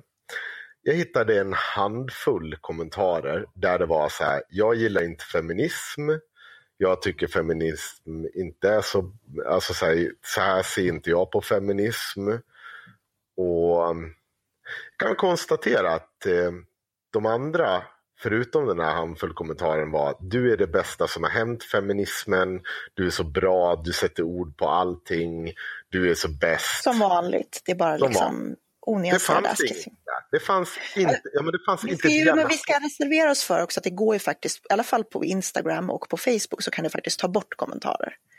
Så det är Ja, ju fullt möjligt Ja, att hon, hon kan ha städat fått- bort några kommentarer. Ja. Det vet vi inte. Jag, jag tror inte det. Jag tittade igår under flera tillfällen och det var inga kommentarer. Jag har aldrig sett, jag såg någon kritisk kommentar som var så här, jo men liksom, någon hade länkat på Twitter såg jag till medierna i P1 och ifrågasatt om det verkligen var högerextrema som hade anklagat henne för det här eh, med plagiat. Men det var typ det enda jag såg. Och jag var inne på vi- vi- Facebook-statusen också. Vi kan väl konstatera så här, för, för hon pratar om taktiker och det är väl lite det jag ville komma till och eh, som jag tycker är intressant här. För den här taktiken känner vi ju igen. Det här att skapa den här otroliga halmgubben av en... Det finns någonting odefinierbart där borta som bara är på mig helt osakligt och de bara är ute efter att misskreditera mig. Alltså det är bara onda människor. Man nämner inte vid namn vem den här kvinnohataren är. Man nämner inte eh, att det faktiskt är medierna i P1 som har varit ute och kritiserat, alltså som har, lagt- eller i alla fall lagt upp det här caset och att det är Kolbjörn eh, Gullbali som har varit eh, ute och faktiskt sagt att det här är ju inte så jävla snyggt gjort. Man pratar inte om att det är seriösa journalistiker, ut- utan det är bara den här kvinnohatan som Mm. är ute efter Linnea Claesson. Och den här taktiken är ju inte unik på att använda hennes termer, utan det här är ju det vi ser varje dag. Det här ser vi ju med Sverigedemokraterna, det här är vad vi ser efter Sveriges unga muslimer när de ska liksom försvaras mot kritik. Det är liksom inte bemötande i sak. Hon säger ju till och med själv att eh, hon inte har fått bemött Hon har ju fått bemött saker hur mycket som helst. Hon har kunnat bemött det på Facebook, Twitter. I, så- hon har ju de största plattformarna. Alltså om hon, Hon hade fick ju velat... uttala sig i medierna i P1 också. Ja, ja absolut. Och liksom hon sa ju bara då att ja, men det var inte riktigt så jag tänkte. Jag kommer inte ihåg exakt hur hon uttryckte det. Det kan vi också länka in. Mm. Men det är ju fortfarande bullcrap. Det är ju liksom så här, det är ju, det är ju att utmåla den här halmgubben du måste slåss mot. Alltså Ja. så här, det är den här... Ja, ja, fortsätt. Du har så långa rants Henrik, så man, får typ aldrig, man kan liksom aldrig bryta in på något snyggt sätt för du andas inte ens. Nej men, så här är det ju faktiskt. Hon har en jättestor plattform, men det, det, det som du inte eh, lyfter, det är det här att hon också säger, hon, hon säger i det här att ja, man får inte göra några misstag. Liksom. Nej. Men hon har ju inte sagt att hon har gjort några misstag. Hon har ju aldrig gått ut och sagt att hon har gjort ett misstag. När hon blir anklagad för det här med plagiat till exempel så säger hon ju inte ja, jag plagierade, det var ett jävla misstag av mig, det var dumt. Eh, och att hon, hon börjar liksom gnälla om det där, att man inte får göra misstag, det är ju liksom någon sorts ett, ett indirekt, en indirekt antydan att hon har gjort ett misstag. Att hon har gjort fel, bara att hon säger det inte rakt ut. Det är fegt. Ja, ja, det är jättefegt. Jag håller med. Alltså, så här, det, jag tycker det är liksom så här, det, det är så, du blir ju en charlatan när du utmålar det som du har utsatts för alltså så här, av seriösa kritiker. Som att det bara handlar om kvinnohat. Ja, ja, men det, Det är där har vi sett ja. Bruka den roll du har. Alltså så här, jag, om vi säger så här. Den gången jag kritiserade henne för plagiat, det är ju inte för att jag är, alltså så här, jag tycker att du snor ju av andra människor som har faktiskt, alltså kvinnor Mm. som har sagt det här väldigt bra tidigare. Ja, ja, utan att håller du credda dem. Ja, utan att credda dem. Alltså, så du bara tar det rakt av. Om, om någon snor mitt arbete, det har vi pratat om mycket sen det TT snor vårt arbete. Det Mm. är klart att här, vi tar inte betalt för vårt jobb. Det, det enda vi kräver är cred. Mm. Det är allt vi kräver. Och, och när en sån här människa ska sitta och göra så, alltså det är ju det är fruktansvärt. Och när du helt vill bort från den här kritiken och istället sätter det på den där höga hästen att det bara handlar om kvinnohatare. Mm, då har vi ett problem. Du ljuger. det som stör mig med det här är att eh, man gömmer sig någonstans bakom en bild av att man som kvinna är orättvist utsatt på ett sätt som inte stämmer. Eh, och att liksom man ska komma undan med precis vad fan som helst för man kan skylla det på kvinnohat. Därför att det är inte så. Liksom. Jag har ju fått, alltså, det är klart att jag har fått skit som jag har fått specifikt för att jag är kvinna. Det hade ju sett annorlunda ut om jag var man. Då hade jag inte fått, till exempel hade jag förmodligen inte blivit uthängd som eh, offer för sexövergrepp om jag hade varit man. Det är väldigt tacksamt att använda liksom, en kvinna som slagträ eh, när det gäller liksom, sexuella grejer. Eller när Fabian Fjelling sitter och säger liksom, i all välmening kontaktar mig på Twitter för att säga att folk kanske skulle ta mig mer på allvar om jag bara klädde på mig lite mer. Liksom. Det skulle jag ju slippa om jag inte var kvinna. Eh, men de gånger jag faktiskt har begått misstag så har jag inte fått mer skit än någon annan för att jag har varit kvinna. Alltså jag menar, jag har ju gjort, till exempel en gång eh, så skrev jag en artikel på IRM om det här med Jimmy Åkessons efternamnsbyte. Där jag litade, jag förlitade mig på liksom, dels min egen koll på Skatteverket och flera andra eh, i sociala medier som också hade kollat och inte liksom, hittat det här. Att det skulle gå att anmäla utan att först betala för det. Så att jag var så här, men då är det väl säkert så. Då skrev jag en artikel om det och sen visade att det var fel. Och eh, så då gick jag in och rättade det och gick ut med en rättelse. Och det fick jag ju lite skit för, men det var ju inte för att jag var kvinna, det var ju för att jag hade gjort fel. Och det tar jag ju liksom. Framförallt gjorde du rätt för det. Jag håller, jag, det är jättebra. Alltså, så här, du gjorde ju rätt för det. Jo, jo men alltså Det är det, den poängen är så att jag, jag, jag skulle inte liksom, jag hade kunnat gå ut och säga så här, ser du vad elaka de är, de attackerar mig så hårt för att, och säger att jag är inkompetent för att jag är kvinna. Bara, nej, de säger att jag är inkompetent för att jag inte gjorde min research ordentligt. Nu har jag lärt mig det liksom. Jag kommer inte göra det misstaget igen. Ja, men du gjorde rätt för det också. Ja, men det är klart det gjorde. tycker jag är det viktiga. Jag gör mitt jobb dåligt så får jag skit för att jag gör mitt jobb dåligt. Liksom. Jag är lika mycket kvinna som Linnea Claesson är. Om jag inte är född som man, det beror lite på. Eh, jag vill gärna att det ni sprider ryktet att jag är född som man på Flashback. Det är ju det. Ja, jo, men alltså just därför. Jag tycker att Flashback Ja. skiter i det här lite för mycket. Mm. Jag, är, Jag vill uppmana alla våra lyssnare att gå in och sprida roliga rykten om mig i min skvallertråd på Flashback. Jag, jag, jag ser gärna att eh, någon skriver i min tråd på Flashback att jag föddes som kvinna. Mm. Och även att vi är syskon. Ja, det är Biologiska perfekt. syskon. Eller gifta. Vilket som. Eller gifta. Ja. Eh, Det kan ju som information till framförallt våra patrons. Eh, övriga kan ju dra åt helvete.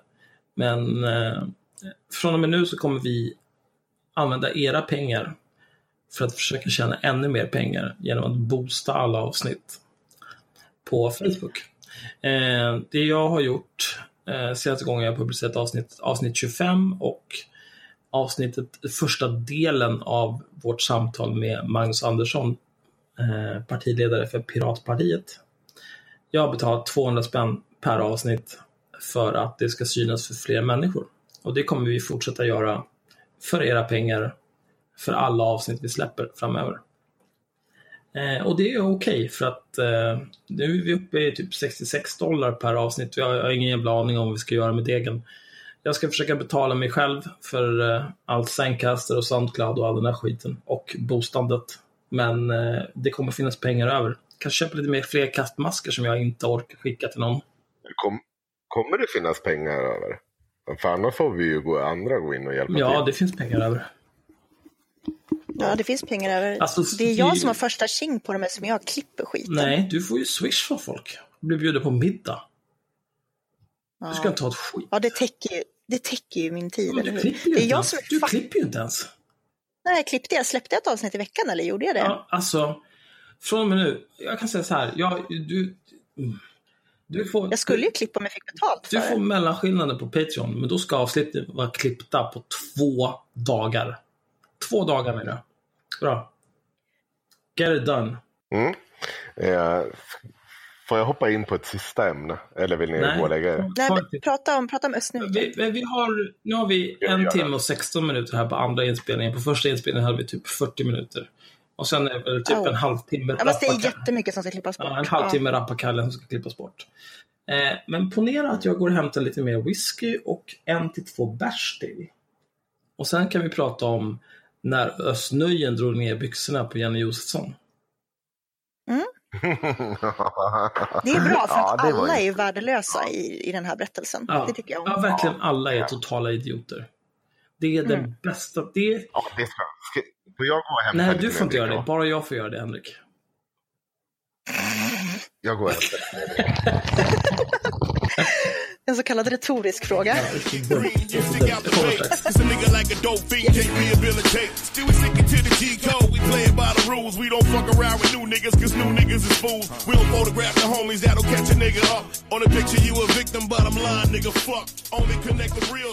Oj! Ja, precis.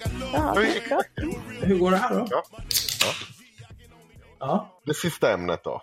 Östnudgens urspårning i ja. Uppdrag Vill, granskning. vill, du, vill du ta den, Henrik? Med de flesta. Nej, men någon annan kan förklara den och ge sin syn på det. Och Axel har inte låtit så på får jag... Nej, Nej, Axel har inte låtit på ett tag. Så jag, jag, jag skulle gärna höra Axels. jag kan ta bakgrunden här i alla fall. Eh, Östnöjen är en komiker. Eh, hans skämt består i att prata om att han är kurd och att kurder är håriga. Östnöjen har också en syster. Hans syster har en man. Tillsammans så har de köpt ett landställe på Gotland. Eh, som, som var ett renoveringsobjekt kan man säga. För att de har anställt eh, en firma. Eh, det beror på lite grann vem man lyssnar på. Men enligt Östnöjen, de har anställt en firma som ska renovera det här stället. Eh, terroristjäveln Rakhmat Akilov som körde rally med en lastbil på Drottninggatan. Eh, har jobbat svart på det här bygget. Har han uppgett i förhör.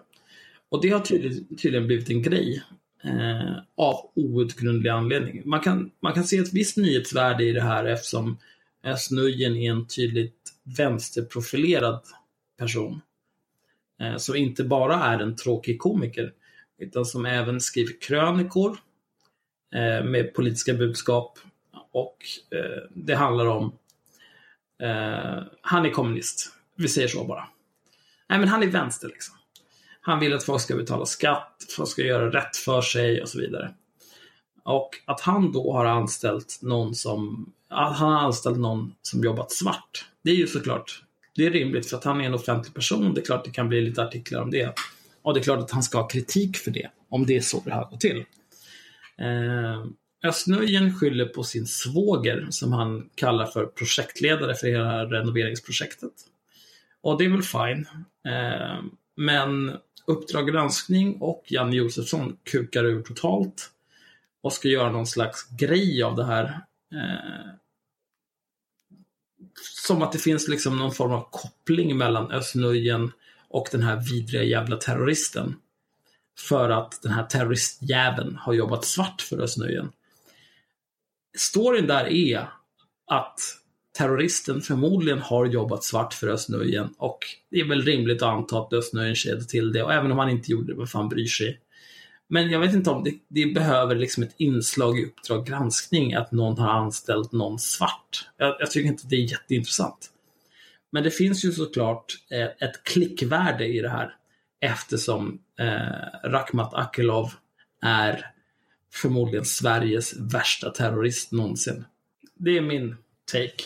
Mm. Jag kan tycka också att du är helt rätt i att det är fullt rimligt att Snudgen får stå, alltså att han får kommentera att det, skulle, liksom, det har anställt svart personal för att jobba på hans hus, därför att han står som ägare. Eh, han är ju faktiskt ansvarig för det på samma sätt som han skulle vara ansvarig för om någon hade gjort ett meth lab i en fastighet som han ägde så skulle han ha varit ansvarig även om man inte kände till det här meth labet. Så hade man kunnat säga att du har ansvar för att veta vad som sker på din, eh, i din eh, bostad eller din, din fastighet. På din, ja, det är rimligt. Det håller Det jag med om. Men frågan är ju liksom vad den, den diskussionen om huruvida det var okej att, att anställa svarthjälp, den har ju egentligen ingenting med terrorism att göra. Nej, det, det, det finns också i, i eh, just det där en aspekt till. Eller så här, Uppdrag case är ju någonstans för att de ska väva in Östnudgen i själva Uppdrag. För det är ju så konstigt. De har gjort det här avsnittet väldigt unikt mot alla andra Uppdrag granskning avsnitt jag har sett. Det är att de kör hela, eh, de ska göra en granskning på Akilos bakgrund eh, och se vad han har varit, hur han har rört sig, vad folk har uppfattat kring honom. Och Det enda man kan konstatera i den här granskningen det är att ingen har känt till hans bakgrund förutom några papperslösa och liksom några så här usbeker och de verkar ju någonstans ha fått uppfattningen liksom alldeles mot slutet av innan det här sker, om man säger så. Inte två år innan det har skett. Utan liksom man, man går igenom hans bakgrund. Det första jag noterar i Uppdrag granskning det är när de ska intervjua hans eh, granne där han har bott. Det är en tant, jag behöver inte nämna hennes namn. Eh, hon, eller ja, hon är ju med i det, jag kommer inte ihåg vad fan hon Skitsamma. hette. För att vara krass. Ni vet, ni vet hur jag är med utländska namn Rasist. är rasist. Eh, I alla fall, den här tanten står så här bara, så, bara, hon får frågan om det som hon visste. När hon, och hon bara, ja, när jag såg det på tv, bara, det var han. Så jag bara, ja, så jag bara, ja, men har du haft någonting med honom att göra? Ja, jag träffade honom i trapphuset någon gång och jag har haft en dålig handled eller vad hon säger. Så när jag ska gå ut med soporna så möter jag honom och han frågar om han kan hjälpa mig och jag bara, nej. Så jag bara, för att jag vill inte ha med de där jävlarna att göra. De, och så säger hon någonting om araber. Och bara, ja, nu, så, men han var ju inte arab. Nej, men de där jävlarna är likadana allihopa. Hon är super racist. Ja. Ja, super racist. Och det, det är liksom så här, ja, jo, du, du hade väl rätt i det här fallet om man säger så, även fast det inte var arab. Han var ju en jävel. Fast, Men det hade, alltså jag tycker det där är så skojigt för att, alltså, tänk om det var hon som fick honom att tippa över och bli terrorist. Han försökte vara... Ja, men det var det, Ja. det jag skulle kommentera nu, säga hon hade rätt att han var en jävel. Ja, det vet vi ju inte. Han blev ju. Men, men liksom, blev radikaliseringsprocessen är ju, eh, jag menar hela, hela poängen med radikaliseringsprocess är ju liksom att den kan ju i princip eh, påverka vem som helst. Man ska inte vara så jävla f- full of yourself att man tror att man inte skulle kunna radikaliseras. jag tycker att det var hennes fel. ja, men i alla fall, det, det jag tänkte Han försökte vara trevlig och betedde sig Det jag tänker med det inslaget just av Granskning Sverige, det, eller vad säger jag, Granskning Sverige? Ja, det hade fan lika gärna kunnat vara Granskning Sverige. Det är liksom så här, vad är poängen med att ta med den här jävla gamla tanten? Det enda ni har lyckats ihop, alltså koppla ihop honom med, det är att han vid ett tillfälle var trevlig mot den här tanten och hon, hon tackade nej. I efterhand säger hon att han var liksom en jävla eh, arab och det var ingenting man ville ha att göra med. Det är ju inte så att de vid tillfället när han erbjuder sig henne att bära en soppåse säger det rakt ut, utan hon bara säger nej tack. Det, det är liksom så jävla märklig grej att ha med om du ska granska Det är helt hans barn. Ja, det är irrelevant. helt irrelevant för att hon vet ju uppenbarligen inte ett skit. Förutom att han, hon har, han har bott i hennes trappuppgång. Det är allt hon vet. Ja. De träffades, han försökte vara trevlig. Hon var En low-key rasistfitta. Ja. Alltså det hade ju Det är varit allt. relevant Men- om man ville bygga tesen att bara så här kan det, alltså om man nu visste att han hade blivit radikaliserad för att han utsattes för rasism eh, konsekvent i det svenska samhället, då hade det kunnat vara relevant att lyfta henne. Men det verkar inte som att det är det man ska göra, utan man har, bara, man har typ ingenting att säga om honom. Och då drar man in typ alla som någonsin har varit ens... I kontakt med honom, ja. Ja, men Ja, men hade man velat göra den poängen då skulle det behövas liksom 15 till 20 till anekdoter om när Ja men folk precis, har då, då skulle man ju ha tagit den vinkeln och sen hade man liksom försökt bevisa den tesen. Eh, nu är det ju inte det man gör, Ja, är ju Men helt så var det ju förmodligen inte. Nej, ja. Men, och då kommer man till slutet på, för att när man ser igenom, alltså det man får veta, det är väl basically att han har levt ett liv som svartarbetare och, och han har levt lite under radarn efter utvisningsbeslutet. Och bla bla bla. Man får egentligen inte veta så mycket om hans terrorism, alltså så här, eller hans eh, radikalisering. Man får bara veta att han har pratat med folk vid vissa tillfällen och eh, att han har betett sig på lite olika vis vid de tillfällena. Får vara krass. Eh, men i alla fall.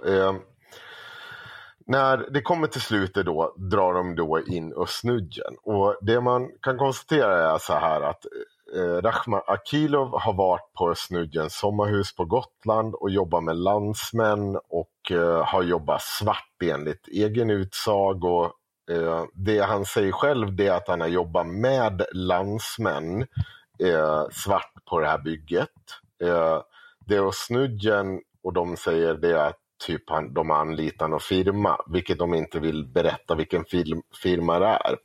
Men Janne Josefsson har då försökt få tag på Snudgen för att kunna väva ihop honom med den här historien. Och, och där någonstans så sätter jag mig och tänker så här. Om jag ska väva, väva ihop honom, alltså, man måste ju någonstans förstå som journalist att okej, okay, jag vill väva ihop bakgrunden till Rahmet Akilovs hela historia, vad han gör här i Sverige och så där. Men vill jag verkligen koppla ihop honom anklagande med svart, alltså svartarbete, alltså med Östnudgen och det här. Alltså, hur, hur ska jag göra det här? Schysst utan att det blir liksom att Östnudgen anlitar en terrorist. Och jag, jag tror inte att det är riktigt möjligt. Så om man ska göra det så måste man ju jävligt mycket belägg för att snudgen faktiskt var med och anlitade honom eller ha ett ansvar i den här frågan. Och det är det det kukar ur fullständigt. För att i slutet av själva SVT eh, Uppdrag granskning så säger man bara det här och man visar ett jättekort klipp ur Östnudgens eh, eh, intervju med Janne Josefsson.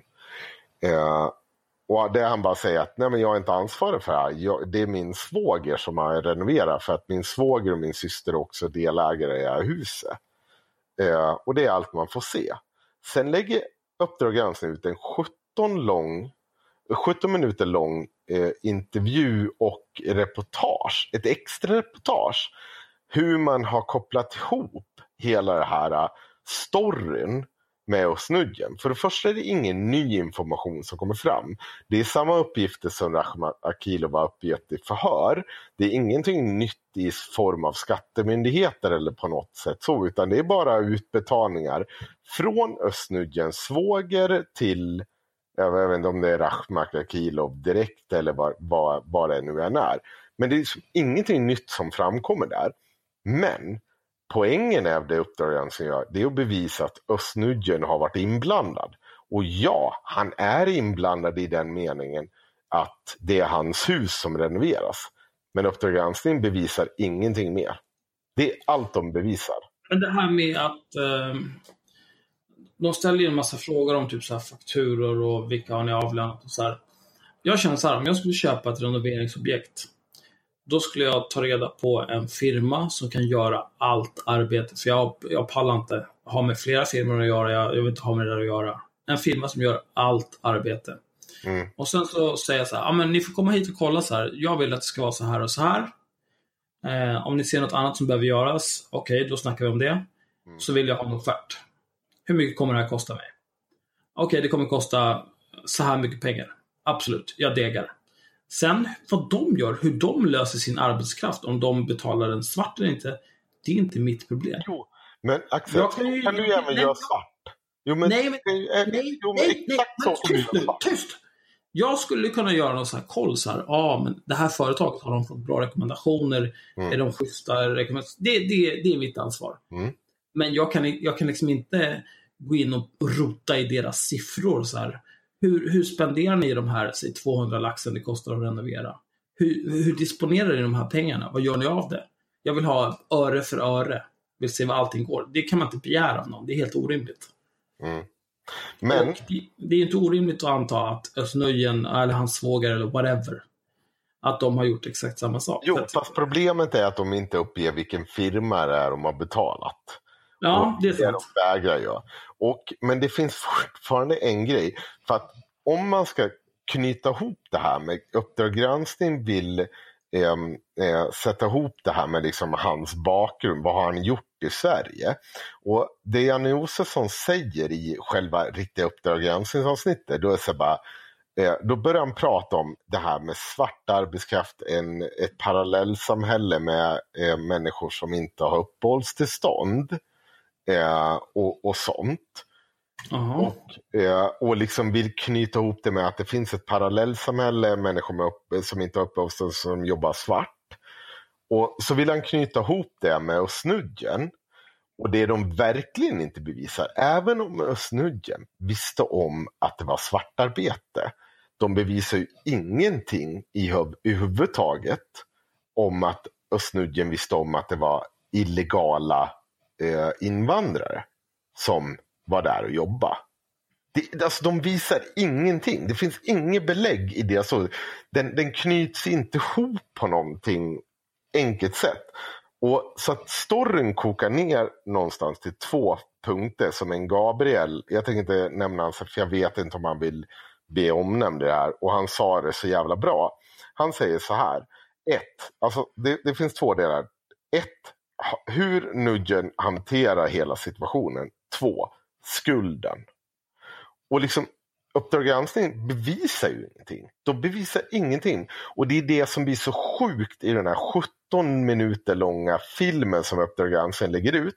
För att de vinklar faktiskt inte Nudgen som det bästa. Alltså de lägger inte fram hans bästa argument. De tar så, när han kukar ur, det tar de med väldigt tydligt. Men när han faktiskt många gånger om säger att just det här att ja, men du får, väl- han säger ju att så här, du får prata med min svåger, men de, det, liksom, det framgår inte tydligt att de har faktiskt ingen argumentation. Och att Janne Josefsson gång på gång säger att du har en skuld i det här. Du är skyldig, du, du, folk får bestämma själv. Hade jag sett i den där intervjun själv, blivit sammankopplad med en terrorist vadå, som Har en skuld? En skuld till vad? Nej, men alltså det som blir så tramsigt är att de blandar ihop liksom ämnet för det här är terrorattentatet. Och om man då säger i ett avsnitt om terrorattentatet att du har en skuld i det här, då, då implicerar ju det på något sätt att han har en skuld i terrorattentatet. Och det förstår jag att han blir förbannad av. Ja, men hela grejen handlar ju om att Akilov är terrorist. Annars hade det här aldrig blivit någonting. Nej. Och om man då säger att de har en skuld i någonting, då, är, då blir det implicit att man har en skuld i det här terrorattentatet. För att Östnöjen och hans familj har liksom genom att anlita en firma som eh, med eller utan deras vetskap, vem fan bryr sig, har anställt Akilov svart, har, har sett till att han kan eh, liksom leva och förtjäna ett uppehälle i Sverige under sin radikaliseringsprocess och det borde Östnöjen ha sett in i framtiden att det skulle bli så här. Och då liksom tagit någon form av ansvar och ringt till Aina eller whatever. Det är ju bara trams från början till slut. Ja, men jag, jag tror inte det, jag, jag vill inte sätta att de, det är det de säger heller, men jag, jag menar på att implicit blir det ju så. Alltså, du kan ju inte, som journalist, jag menar att du måste ha Vad fan? vad är det som händer nu? Alltså vad är det som Vad är det som händer idag? Mira? Va? Vad håller du på med? Ingenting. Ringer det? Nej. Okej. Nej. Ja, men i alla fall. Eh, eh, implicit, ja det blir ju massa implicita saker. Skit samma om det är eh, faktiskt att eh, Östnudgen har understött terrorism. Eller, alltså, men- det blir ju för mycket. Och framförallt tappar, när man kollar, jag menar att hela den här grejen, det är en dealbreaker på om du kan, kan journalistik eller att du är källkritisk. För att när jag kollar på Snudgens egna video av det här. För det första är det väldigt märkligt när Janne Josefsson påbörjar hela sitt eget reportage med att påpeka att Östnudgen är sminkad. Det är så konstig grej. Som liksom, han vill ju misskreditera oss från start. Ja, ja. Att han har liksom snyggat till sig för det här. Ja, han har, Och han, Öst han med liksom, sig men jag vill två egna kameror och... Ja, Öss vill ju... Jo, fast det är ju, det är ju rimligt. Men just det här med sminkning, det är ju så konstig sak att Ja, dra. vem fan bryr sig om han har sminkat sig? Det är inte som att... Ja, och, och jag antar att när du, du sitter med Uppdrag granskning och du, du sitter under kameraljus så kommer du få liksom smink på det. För att om du inte gör det så blänker det i skärmen. Det, det är verkligen blänker. Eh, Alltså det är ju bara normalt vett när du sitter under starkt ljus. Men det är så konstig sak att sitta och påtala. Och sen när man jämför de två videorna, det som Uppdrag granskning klipper bort, det är ju Janne Josefsson sitter och säger att Östnudgen är liksom inblandad på ett sätt som framstår som mer än bara att han äger ett hus och att det huset har renoverats. Utan liksom, de har inte bevisat mer än att ja, men det är klart att Östnudgen, när han säljer det här huset och det har gått upp i värde så har han till viss del en inblandning i det här. Men man Nej, men kan det- ju också ha en uppgörelse att sina kollegor säger men jag vill väl renovera upp det. Ja men gör det ni då så lös det. Men, men det ju... Och, och det hade jag också kunnat gjort med släktingar och sånt. De bevisar ju ingenting annat. Nej, men det... Storyn här är... Janne Josefsson och Uppdrag kände att vi, vi behöver ett segment till. Vi gör en story på att Akilov jobbade svart för Östnöjen. Det är hela Mm. grejen. För Öst, Jo, att, fast att, men att påstå att Östnöjen har någon form av skuld i att Akilov blev en terroristjävel är ju Ja, men det, det, det löjeväckande. inte. Det påstår inte att Uppdrag granskning Ja, gör. nej, nej, men jag, jag kan göra det. För att implicit, Ja, men jag påstår Nej, men jag inte det. för det du påstår. Håll käften nu. Implicit i att de ens tar upp saken är att han har någon form av skuld i det. För att det finns inget som helst nyhetsvärde i det där. Ja, Östnöjen anställde någon svart. Okej, men skriv en liksom, notis om det i, någon, eh, i tidningen. Vem fan bryr sig? Behöver inte ett 17 minuter långt inslag i Uppdrag granskning om det. För det är värdelöst. De sänker bara sin egen trovärdighet med den här skiten. Ja, men framförallt så sänker de dem så som de klipper i sitt eget mot Öss egna inslag. Öss tappar det fullständigt. Han beter sig som en jävla idiot. Han framstår eh, som eh, otrovärdig. Han gör det även i sitt eget klipp. Men problemet blir ju att när man ser det hela från Östnudgens, eh, alltså eh, när, han, när han visar upp hela, det är att det blir svårt att avgöra om Öss försöker blanda sanningen med osanningen, alltså så att han bara försöker värja sig från en jävligt konstig situation där han blir ihopkopplad med en terrorist. Eller om man faktiskt försöker bara lite svartarbete. Som in, alltså i den meningen han inte skulle kunna bli överdrivet straffad med mer än för några dagsböter och inte det han skulle Nej, kunna men han fortsätta. fattar väl också Alltså, vad det blir vinkeln en är. stor sak. Vin vinkeln är ju att han på något vis har enablat en terrorist. Ja, För att det är liksom, allt annat är ointressant. Ah, ja, skitsamma. Nu släpper vi det här. Eh, jag har två saker som jag skulle vilja ta upp innan vi avslutar, men det är bara korta notiser. men Myra har dött.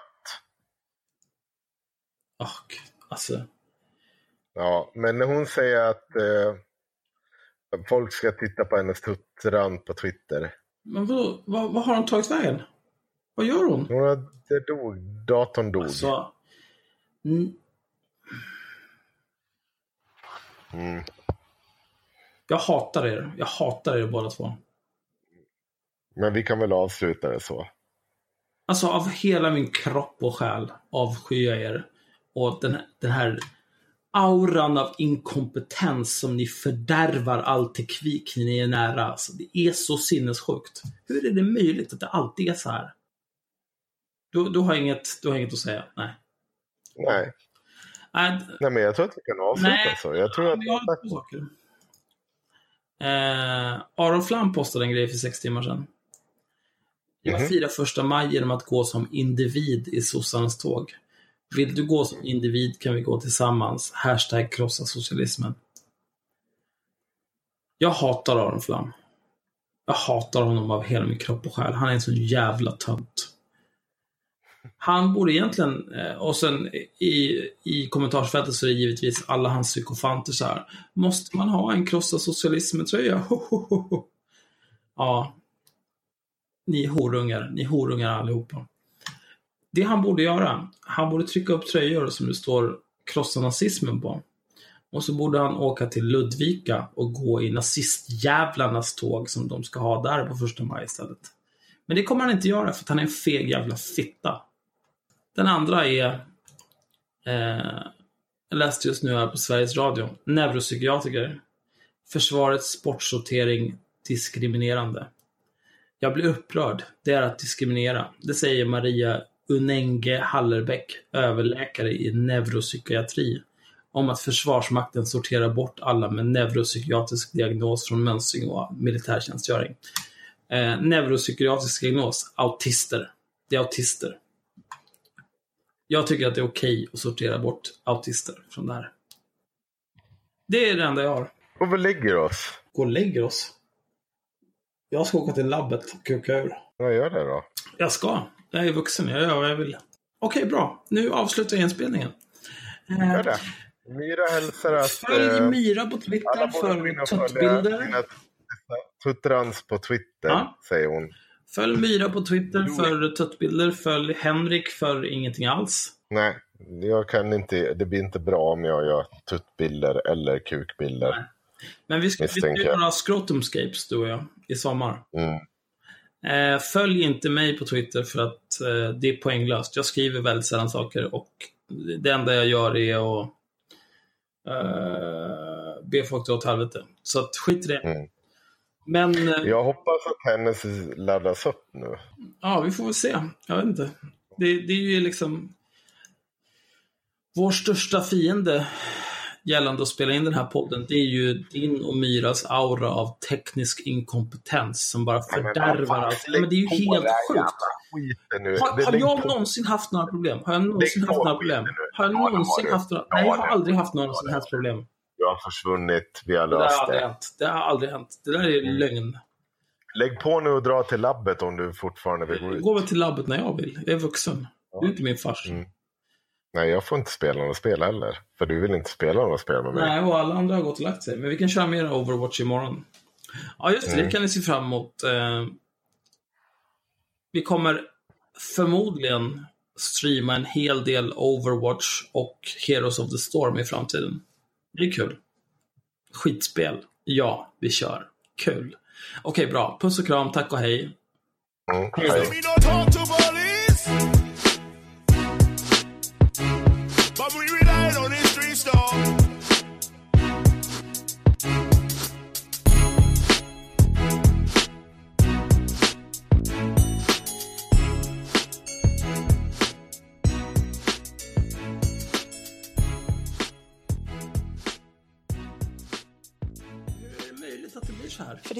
hörde var att han var ute och rökte.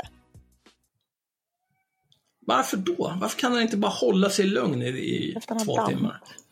Ja, men det är, mm, det är kört. Vadå det är kört? Ja, det här är helt... Jag ringer den där jävla mongoliden. Mm, gör det. Tar vi högtalartelefon så kan vi... Kan lyssnarna få lyssna? Kan lyssnarna få lyssna? Jag pratar med en total Kom ihåg att ställa idiot. jättedumma techfrågor. Så här. Tänk typ att han är en utvecklingsstörd pensionär som du ska ge, ge teknisk support. Ja, jag vet. Han blir jättearg om man gör det.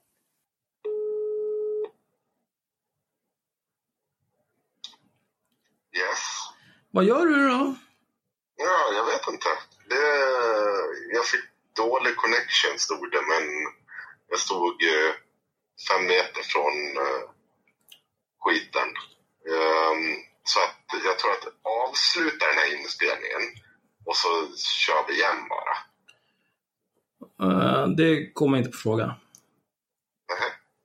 Han kan väl bara... Men, men, eh, eller? men eh, kan du gå tillbaka till där du var? Jag vet inte.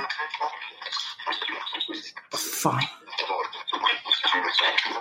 Det står bara waiting for microphone. Jag är alltid låst i fönstret. Mm, Okej, men stäng fliken och så går du in igen bara. Stäng fliken och så går du in igen bara. Ja, men då kommer ju mitt förloras. Nej, nej, det kommer bli bra.